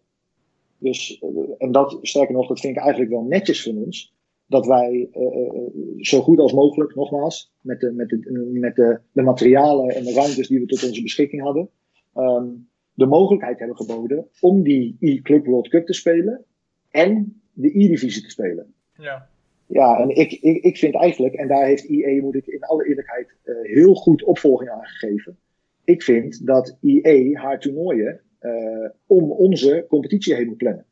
Ja. En dat hebben ze dit jaar heel goed gedaan. We hebben heel vroeg een call gehad met IE, waarin zij hebben gezegd: jongens, um, wij zijn van plan om op uh, nou, dag 1 en 2 onze toernooien te organiseren. Mm. Dus wij geven jullie uh, alle ruimte om op dag 3 en 4 jullie competitie te organiseren. En wij beloven dat er geen andere toernooien op die dagen georganiseerd worden. Nou, perfect. Ben je van al het gezeik af? Ja, absoluut, absoluut. Zeker. En uh, ja, ik moet zeggen, ik, ik heb natuurlijk die dag ook meegemaakt. En uh, jullie zitten dan in een hele moeilijke situatie. Um, jullie vanuit de E-divisie hebben er op dat moment ook gewoon nog van alles aan gedaan om die spelers daar te laten spelen en om alles zo goed mogelijk te regelen voor hen. Um, en meer kan je dan niet doen. En ja, je zit natuurlijk tussen twee partijen. En uh, ja. het is dan ook belangrijk dat de spelers ook wel kunnen kijken van oké, hun zitten met die belangen, ik zit met deze belangen, er wordt dit en dit aangedaan daar, ik heb hier deze wedstrijd hier. Het is natuurlijk hartstikke vervelend, maar ja, op dat moment heb je geen andere keuze. Maar ja, het is wel super lekker dat dit jaar dat dat allemaal geregeld is. En dat je daar, uh, zoals het er nu uitziet, geen stress voor hebt. Nee, nee en ik, ik kan me ook wel goed voorstellen hoor, dat die, dat die spelers geïrriteerd reageren op zo'n dag. Want ik, ja. ik, ik, heb dat natuurlijk zelf uh, twee jaar meegemaakt. Ik weet wat de belangen daarvan zijn. Ik weet dat die jongens daar dolgraag uh, uh, willen zijn op dat soort grote toernooien. Dus ik kan me ook goed voorstellen dat je op, het, op dat moment geïrriteerd bent, omdat het allemaal niet gaat zoals je wil. Um, maar ik denk wel dat het goed is om uit te leggen hoe, hoe gewoon het volledige plaatje eruit ziet. Ja, precies. En, en dat, ze, dat ze vervolgens snappen waarom wij bepaalde keuzes maken. Want je moet je ja. voorstellen, wij, wij Ehm, de E-divisie van vorig jaar kostte zo'n beetje 2,5 miljoen om vorm te geven. Ja, dan gaan wij niet zomaar uh, een hele wedstrijddag stilleggen. Dat is natuurlijk nee. kansloos. Ja, precies. En ik denk de kijkers en alles eromheen, die, die zitten daar ook niet echt op te wachten. Dus, nee, want je moet je voorstellen dat je, dat je fan bent van de E-divisie. En je ja. weet elke maandag en dinsdag, fucking vet, ik kan E-divisie kijken. Ik ben, ik ben er klaar voor, mijn, mijn clubje speelt dan en dan. En dan in één keer zie je een bericht van ja, sorry man, uh, we zijn er niet vanavond. Ja, dat is echt zo. Ja, dat, dat kan toch niet? Nee, precies. Precies. Nou, daarom. Ah, duidelijke taal. Duidelijke taal. Zeker, zeker, duidelijk. Wel goed, uh, denk ik, om het even besproken te hebben natuurlijk, omdat er veel uh, om te ja. doen was. nou ja, goede toelichting, denk ik. En ik denk heel fijn om te horen, ook voor de spelers die dit eventueel horen, dat er dit jaar een goede planning is gemaakt. Ja, en, uh, precies, ja. en ook goed om te horen misschien dat het niet volledig jullie schuld was. Want dat was natuurlijk op een gegeven moment wel... Nou ja, dat was wel het overheersende geluid natuurlijk wat je links en rechts hoorde. Alleen ja, ik snap ja. ook wel dat jullie niet... ja, het is niet zo dat jullie je altijd maar aan moeten passen natuurlijk. Ik snap ook dat, dat, van, dat jullie ook precies. een beetje vanuit IE wat verwachten. En dat dat dus niet helemaal goed was gegaan. Ja, ja nee, precies wat je zegt klopt helemaal. Waarom zouden wij ons moeten gaan aanpassen aan, aan, aan, aan een partij die toernooien organiseert op onze wedstrijddagen? Ja. Helemaal aanpassen. Kijk maar even. Dat is echt zo. Daar zijn planningen voor. Dus ja. Precies. Ja, oké. Okay. Nee, uh, helder. Ik denk... Um, ik weet, ik weet niet of jij verder... Want, uh, dit was natuurlijk een onderwerp ook wat jij ook had, uh, had aangesneden, Arnoud. Over de professionaliteit van, van FIFA-spelers in de E-divisie. Mm -hmm. En ook ja, wat ze dus buiten de wedstrijden en dergelijke nog doen. Ik weet niet ja. of jij daar verder nog een, een, input aan hebt, of misschien wel een vraag. Ja, zeker. Of, nou ja, zeker. Wat ik, wat, wat ik ook wel goed vind om, om te delen, is dat veel mensen denken, en in alle eerlijkheid denk ik dat het vooral een beetje de, de wat oudere mensen zijn, die denken van ja, die, die jongens die, die spelen alleen maar FIFA dag en nacht. Ja. En, en, en moeten die niet eens een leven gaan krijgen of zo? Mhm. ja, en, en, en, daar word ik altijd een beetje moe van. Um, uh, en direct daarna denk ik van ja, dat kunnen ze misschien ook niet weten. Dus uh, ik word dan net niet boos. Maar um, kijk, die, die, jongens die voor een club actief zijn, die, um, daar wordt veel meer van gevraagd dan dat ze alleen maar trainen en de E-divisie en Weekend League spelen. Tuurlijk spelen ze veel FIFA. Maar er zijn ook jongens, uh, FIFA-spelers, die gaan gewoon naar, naar ziekenhuizen toe om hun populariteit in te zetten om uh, zieke kinderen weer, uh, weer wat blijer te maken. Of uh, er zijn spelers die doen commerciële activaties voor sponsoren bijvoorbeeld. Die, die zetten zich in voor, voor e-sports partners. Ehm, en er komt nog eens bij dat sommige mensen denken dat die gasten alleen maar op een zolderkamertje zitten, pizza te vreten en, en, liters Red Bull wegtikken. Maar veel van die jongens die zijn ook gewoon met gezond leven bezig. Omdat uh, het 100% waar is dat hoe fysiek gezonder je bent, hoe beter je in de game bent. Ja. En daar zijn die jongens zich heel erg van bewust. Dus die zijn er ook gewoon mee bezig. Dus ja, het, het is zoveel meer dan alleen maar uren achter dat scherm zitten. Ja, dat wilde ik toch even gezegd hebben. Ja, wat bij deze. Ja, wat misschien, mooi, misschien heeft Timo daar nog wel aanvulling op. Wat merk jij daarvan als jij spelers coach, zeg maar? Heb jij, uh, merk je, neem jij dit ook mee in je coaching of ben jij puur voor de gameplay? Um, nou ja, ik, ik, ik focus me wel gewoon veel op uh, gameplay en bepaalde dingen natuurlijk in de game. Uh, de rest is eigenlijk allemaal voor het andere management om op te pakken. Maar ik, merk wel gewoon dat veel spelers die de hulp ook van hun management krijgen, um, dat ze veel meer aan de maatschappelijke dingen doen. En het is ook een beetje wat vanuit de clubs komt. Want bij de ene club is het meer van. Um, de ene speler wordt meer bij de club betrokken dan de andere speler. En de andere speler heeft meer activiteiten bij de club dan de andere. Ja. En uh, dat is ook heel goed. Je ziet dat de spelers die heel veel activiteiten bij hun clubs hebben, um, dat die ook populair zijn bij de fans. En uh, dat is natuurlijk ook leuk om te zien. Maar goed, um, het kan niet altijd allemaal uit de speler zelf komen. Dus het is altijd lekker als die speler ook een club heeft die meedenkt, die activiteiten voor die jongen heeft. En hetzelfde geldt voor een organisatie of een management. En uh, ja, als je alles in je eentje moet doen, dan is dat heel moeilijk. Heb je daar hulp bij, dan gaat het makkelijker af. En uh, ja, weet je, het is ook tof om te zien dat bepaalde clubs ook gewoon die e-sporters inzetten op uh, fandagen aan het begin van het seizoen. Nou ja, nu kan dat niet vanwege corona. maar ja, weet je, uh, de jonge generatie, die heeft er wel heel veel bij, baat bij. En die gaan ze dan ook opzoeken en die gaan daar, daar potjes spelen. En uh, ja, ik, ik snap Arno dat hij zegt van oké, ik word boos dat als mensen zeggen van ja, die jongens zijn alleen maar aan het gamen. Uh, maar vaak zeggen mensen dat ook omdat zij niet het bredere plaatje kunnen zien van de e-sports industrie waar wij in zitten. Zij weten niet wat er achter de schermen aan wordt gedaan. Zij zien alleen een PlayStation en gamen en hun zijn niet helemaal, hun zijn niet helemaal bekend met de nieuwe industrie zoals het heet. Streamen, Twitch, e-sports, noem het maar op. Het, is allemaal nieuw. En uh, als je dat nog niet kent, ja, heb je dan, dan is het handig bijvoorbeeld voor je ouders of voor die oudere mensen, als het zich interesseert, om zich daarin te verdiepen.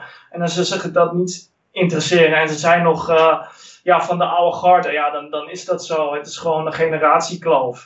En weet je, ik zeg ook heel vaak, kijk, als wij op een gegeven moment allemaal 50 en 60 zijn, die nieuwe generaties die pakken die games wel op. Game, games gaat nooit meer weg. En de industrie wordt alleen maar groter en groter. FIFA wordt groter, streamen wordt groter. Het digitale wereldje wordt alleen maar groter. Want er komen alleen maar nieuwere mensen bij die in deze wereld meegaan. En ja, de oudere mensen gaan er niet meer mee. Maar ja, als wij 80 zijn, dan leeft dit nog steeds.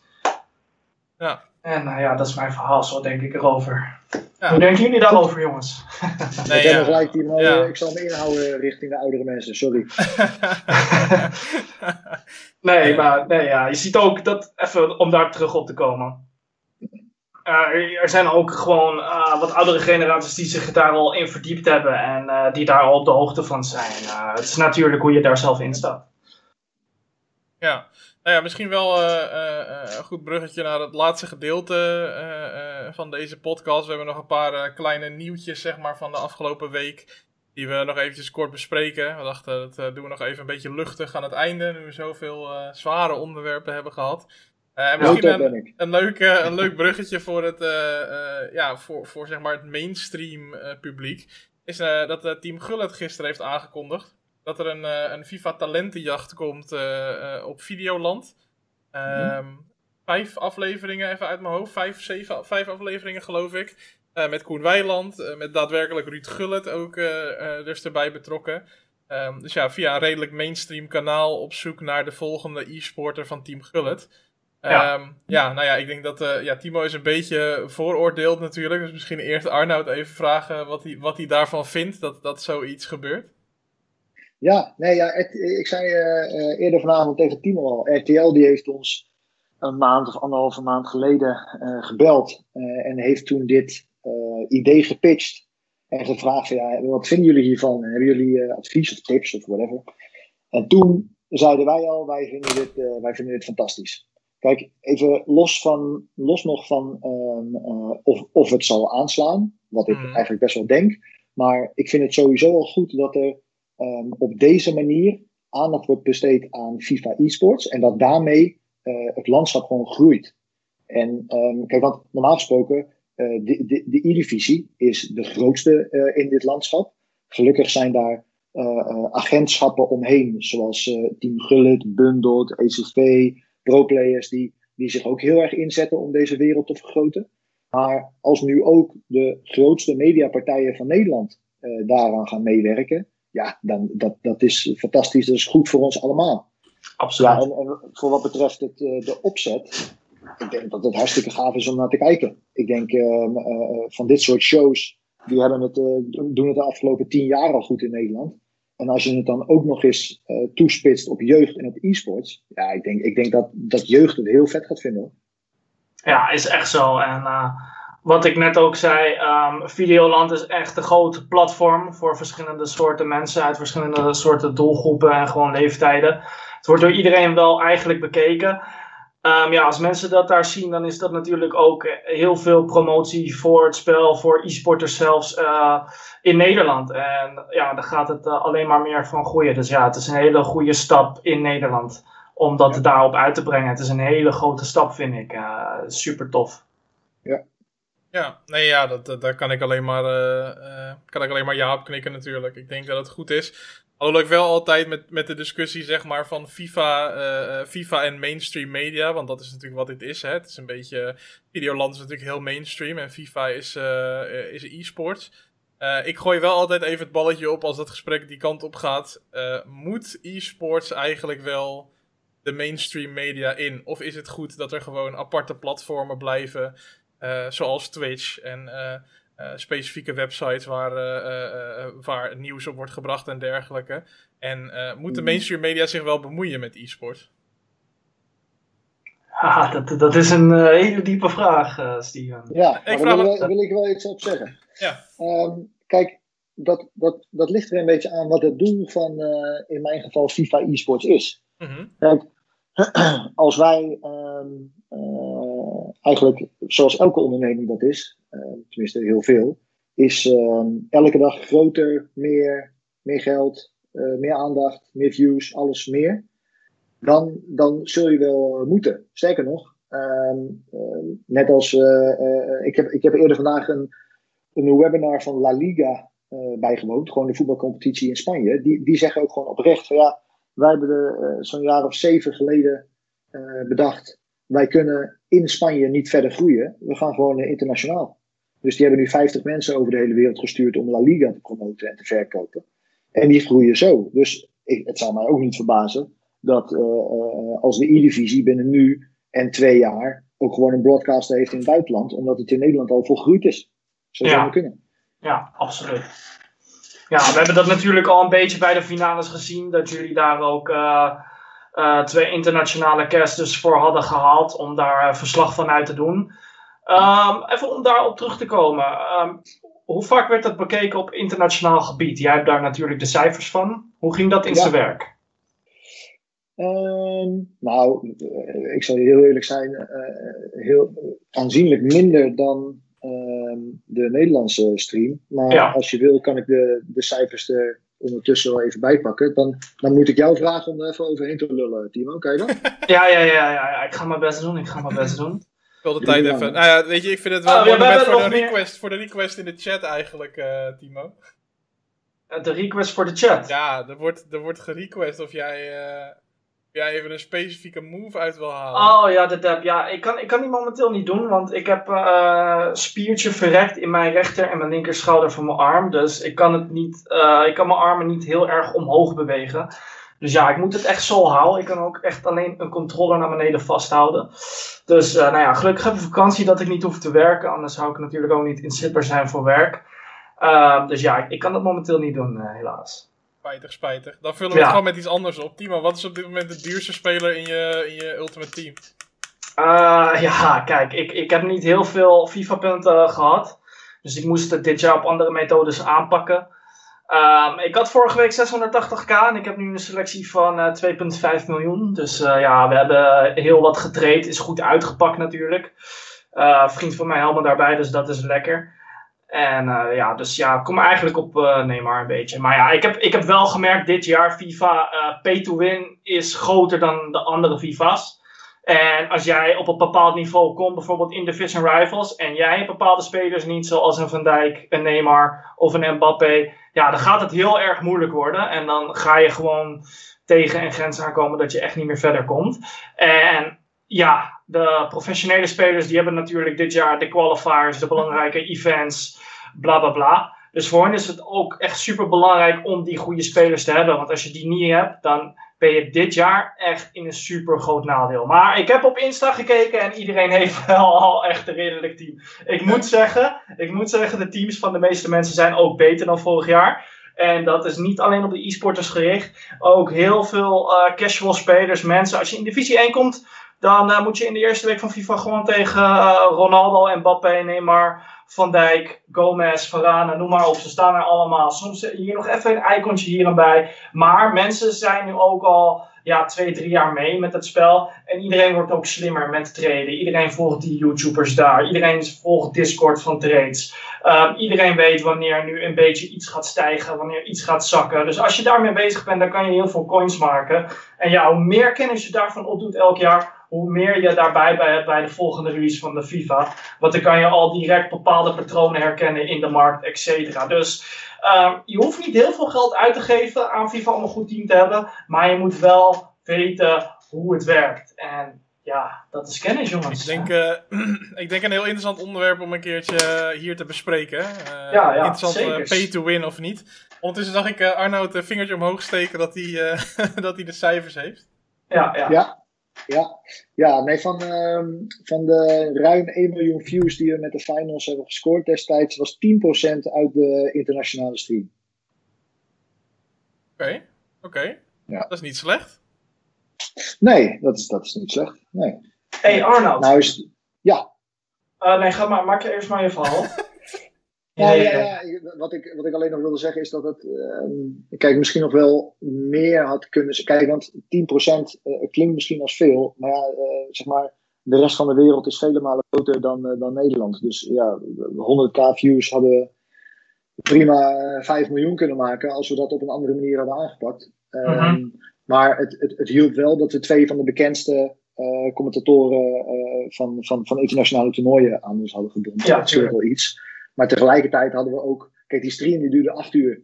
En die jongens die hebben niet acht uur achter elkaar uh, gepraat. En die stream kreeg ook niet dezelfde aandacht als de, de hoofdstream. Mm -hmm. Dus ja, als, als we dit nog een keer gaan doen, dan zouden we dit wel totaal anders aanpakken. Ja, ja, top. Oké, okay, en nu had ik even een vraag voor jou om op terug te komen. Ja. Um, ik weet niet of je dat al mag beantwoorden. We zitten nu in uh, coronatijd, dit en dat. Vorig jaar was natuurlijk afwas um, het grote eindevent, de grote finale van de E-divisie, et cetera. Hartstikke goed uitgepakt. Uh, voor de spelers was het het tweede seizoen ook echt een doel om te zeggen van, ja, ik wil echt bij die finales, daar wil ik echt bij zijn. Uh, dat was voor hun soms nog belangrijker dan bijvoorbeeld de prijzenpot of wat dan ook. Ik, ik hoorde constant uit die spelers terugkomen in het tweede seizoen van ik wil bij die finales bij zijn, omdat het zo ontzettend dik was toen. Um, ja, we zitten nu in coronatijd. Hoe ziet dat eruit? Um, een volle afwas ja, gaat denk ik realistisch niet lukken. Nu ben ik er wel een beetje van, oké, wij hebben een jonge doelgroep. Die jonge doelgroep die gaat ook allemaal naar school, bla bla bla.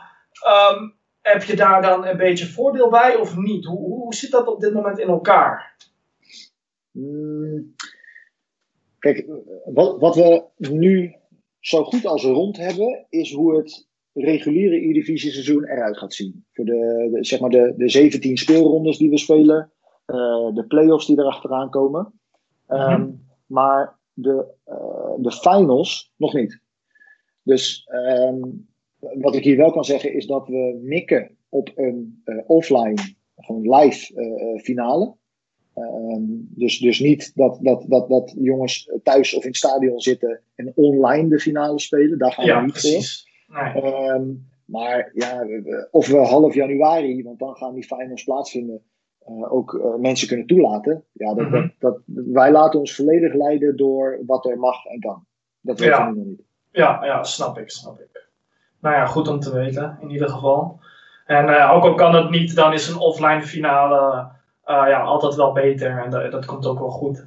Ik bedoel, eh, in deze tijd, we moeten er het beste van maken. En eh, ik, ik heb ook al gezegd aan het begin van de uitzending tegen jou, Arnold. We mogen wel echt hartstikke blij zijn dat die E-divisie er momenteel nog is. Want het had ook heel Ja. anders kunnen lopen, realistisch gezien. Ja. Ja, ik, ik, ik zeg je heel eerlijk, het is voor mij best wel moeilijk geweest om van die, die, die, die fantastische studioproductie in eh Alsmeer te Ja. gaan naar waar we nu eh, naartoe gaan. Mhm. Want dat is natuurlijk maar een, een, een fractie van wat we toen hadden, weet je wel. En toen, toen was iedereen blij en het was fantastisch en we gingen alleen maar recht omhoog. ja. En nu lijkt het weer alsof we gewoon helemaal weer opnieuw beginnen. ja En dat is, best wel, dat is best wel een pijnlijk gevoel. Alleen tegelijkertijd beseffen we ons ook wel dat het, dat het, het kan niet anders. Nee. We kan wel anders willen, maar eh, ja, dat krijgen we toch niet voor elkaar. Dus we moeten, we moeten deze maanden even overleven. Zo voel ik het echt wel. En dan eh, hoop ik van harte dat we zo, snel mogelijk weer terug kunnen naar waar we vorig jaar mee begonnen zijn. Ja, we moeten gewoon lekker blijven roeien met de pedals die we hebben, Arnold. Zo gaat het Zo is dat. eenmaal. Zo is dat. Elk voorlezen voordeel.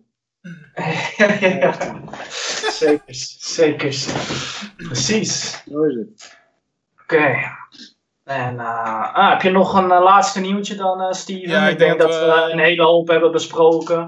Ja, ik denk dat we gezien de tijd eh, nog even het meest opmerkelijke nieuwtje van afgelopen week bijpakken. Eh dat kan je misschien, ik denk dat het je niet ontgaan is, Arnoud.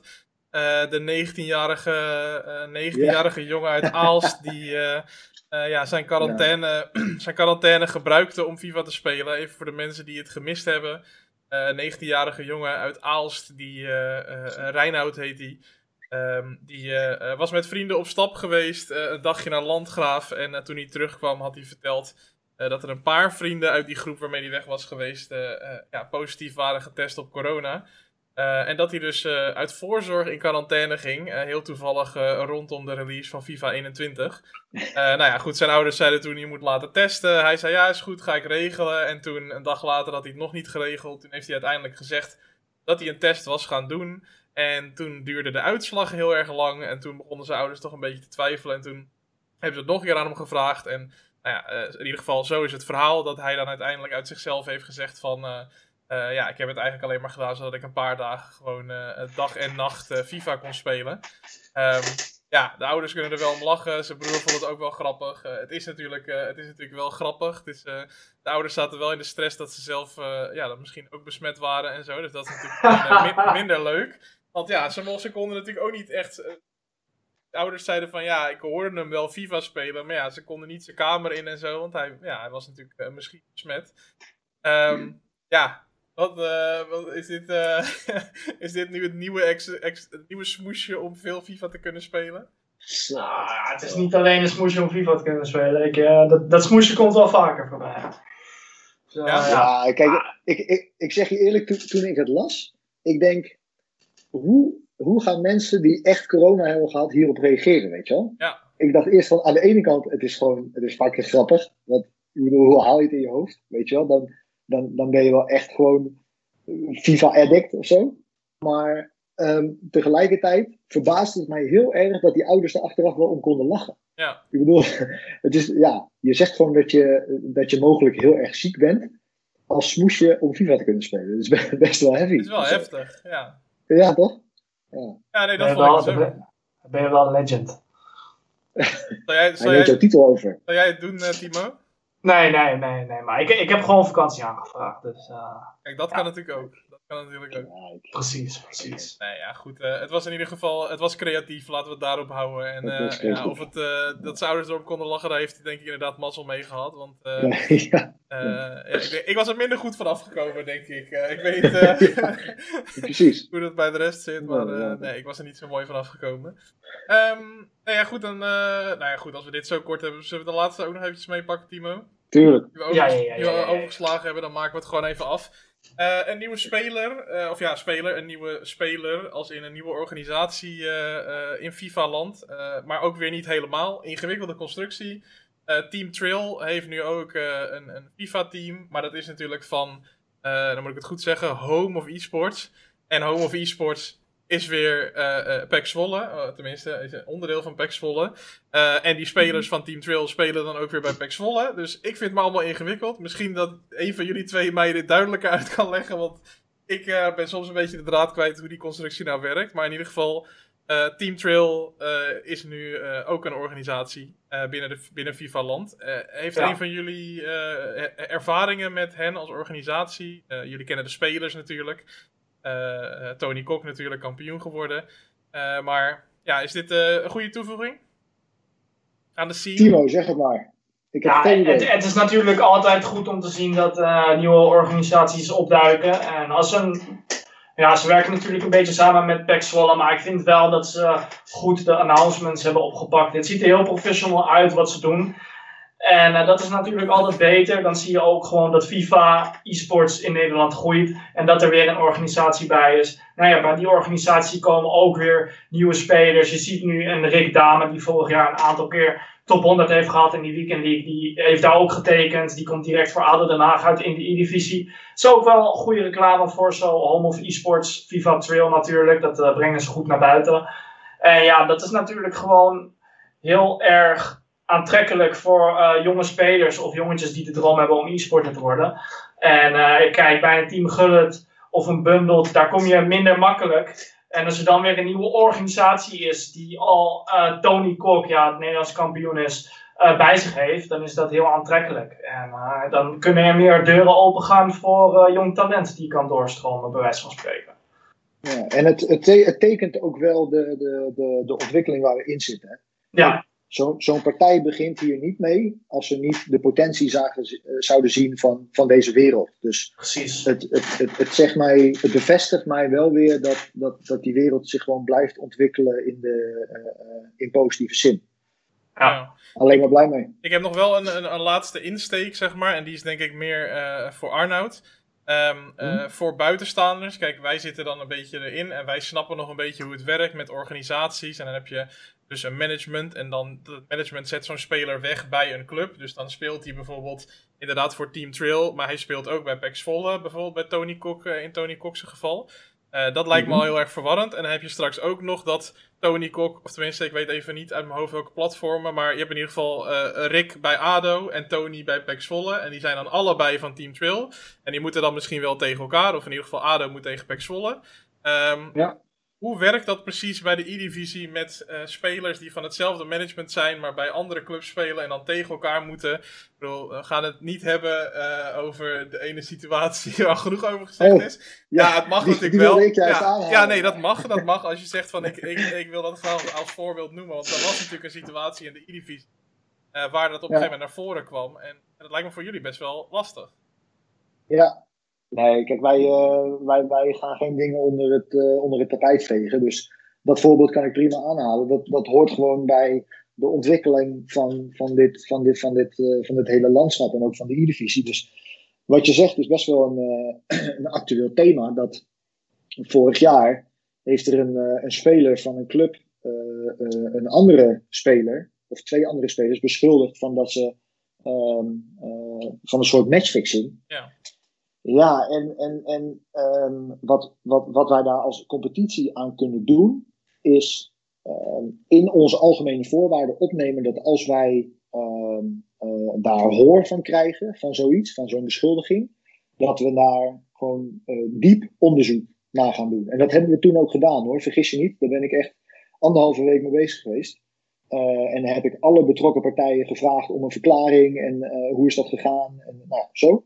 En op basis daarvan nemen we dan een beslissing. En stel nou dat we destijds echt matchfixing hadden uh, gevonden, ja. dan hebben wij ook gewoon in onze algemene voorwaarden staan dat je dan gewoon keihard gedisqualificeerd uh, kunt worden. Ja. Maar het is niet zo dat wij als competitie zeggen: um, jij, uh, twee spelers die bij hetzelfde agentschap of management zitten, mogen, en bij verschillende clubs spelen, mogen niet tegen elkaar spelen. Dat is niet te doen dat, dat, dat, dat, dat, dat, is geen optie. Dus het enige wat wij kunnen doen, is ehm, in onze algemene voorwaarden verwerken dat het absoluut verboden is. En als het bewezen kan worden, of als de organisatie, en dat zijn wij, inschatten dat er sprake is van, van, van, van spel of matchfixing, dat wij daar dan maatregelen tegen mogen nemen.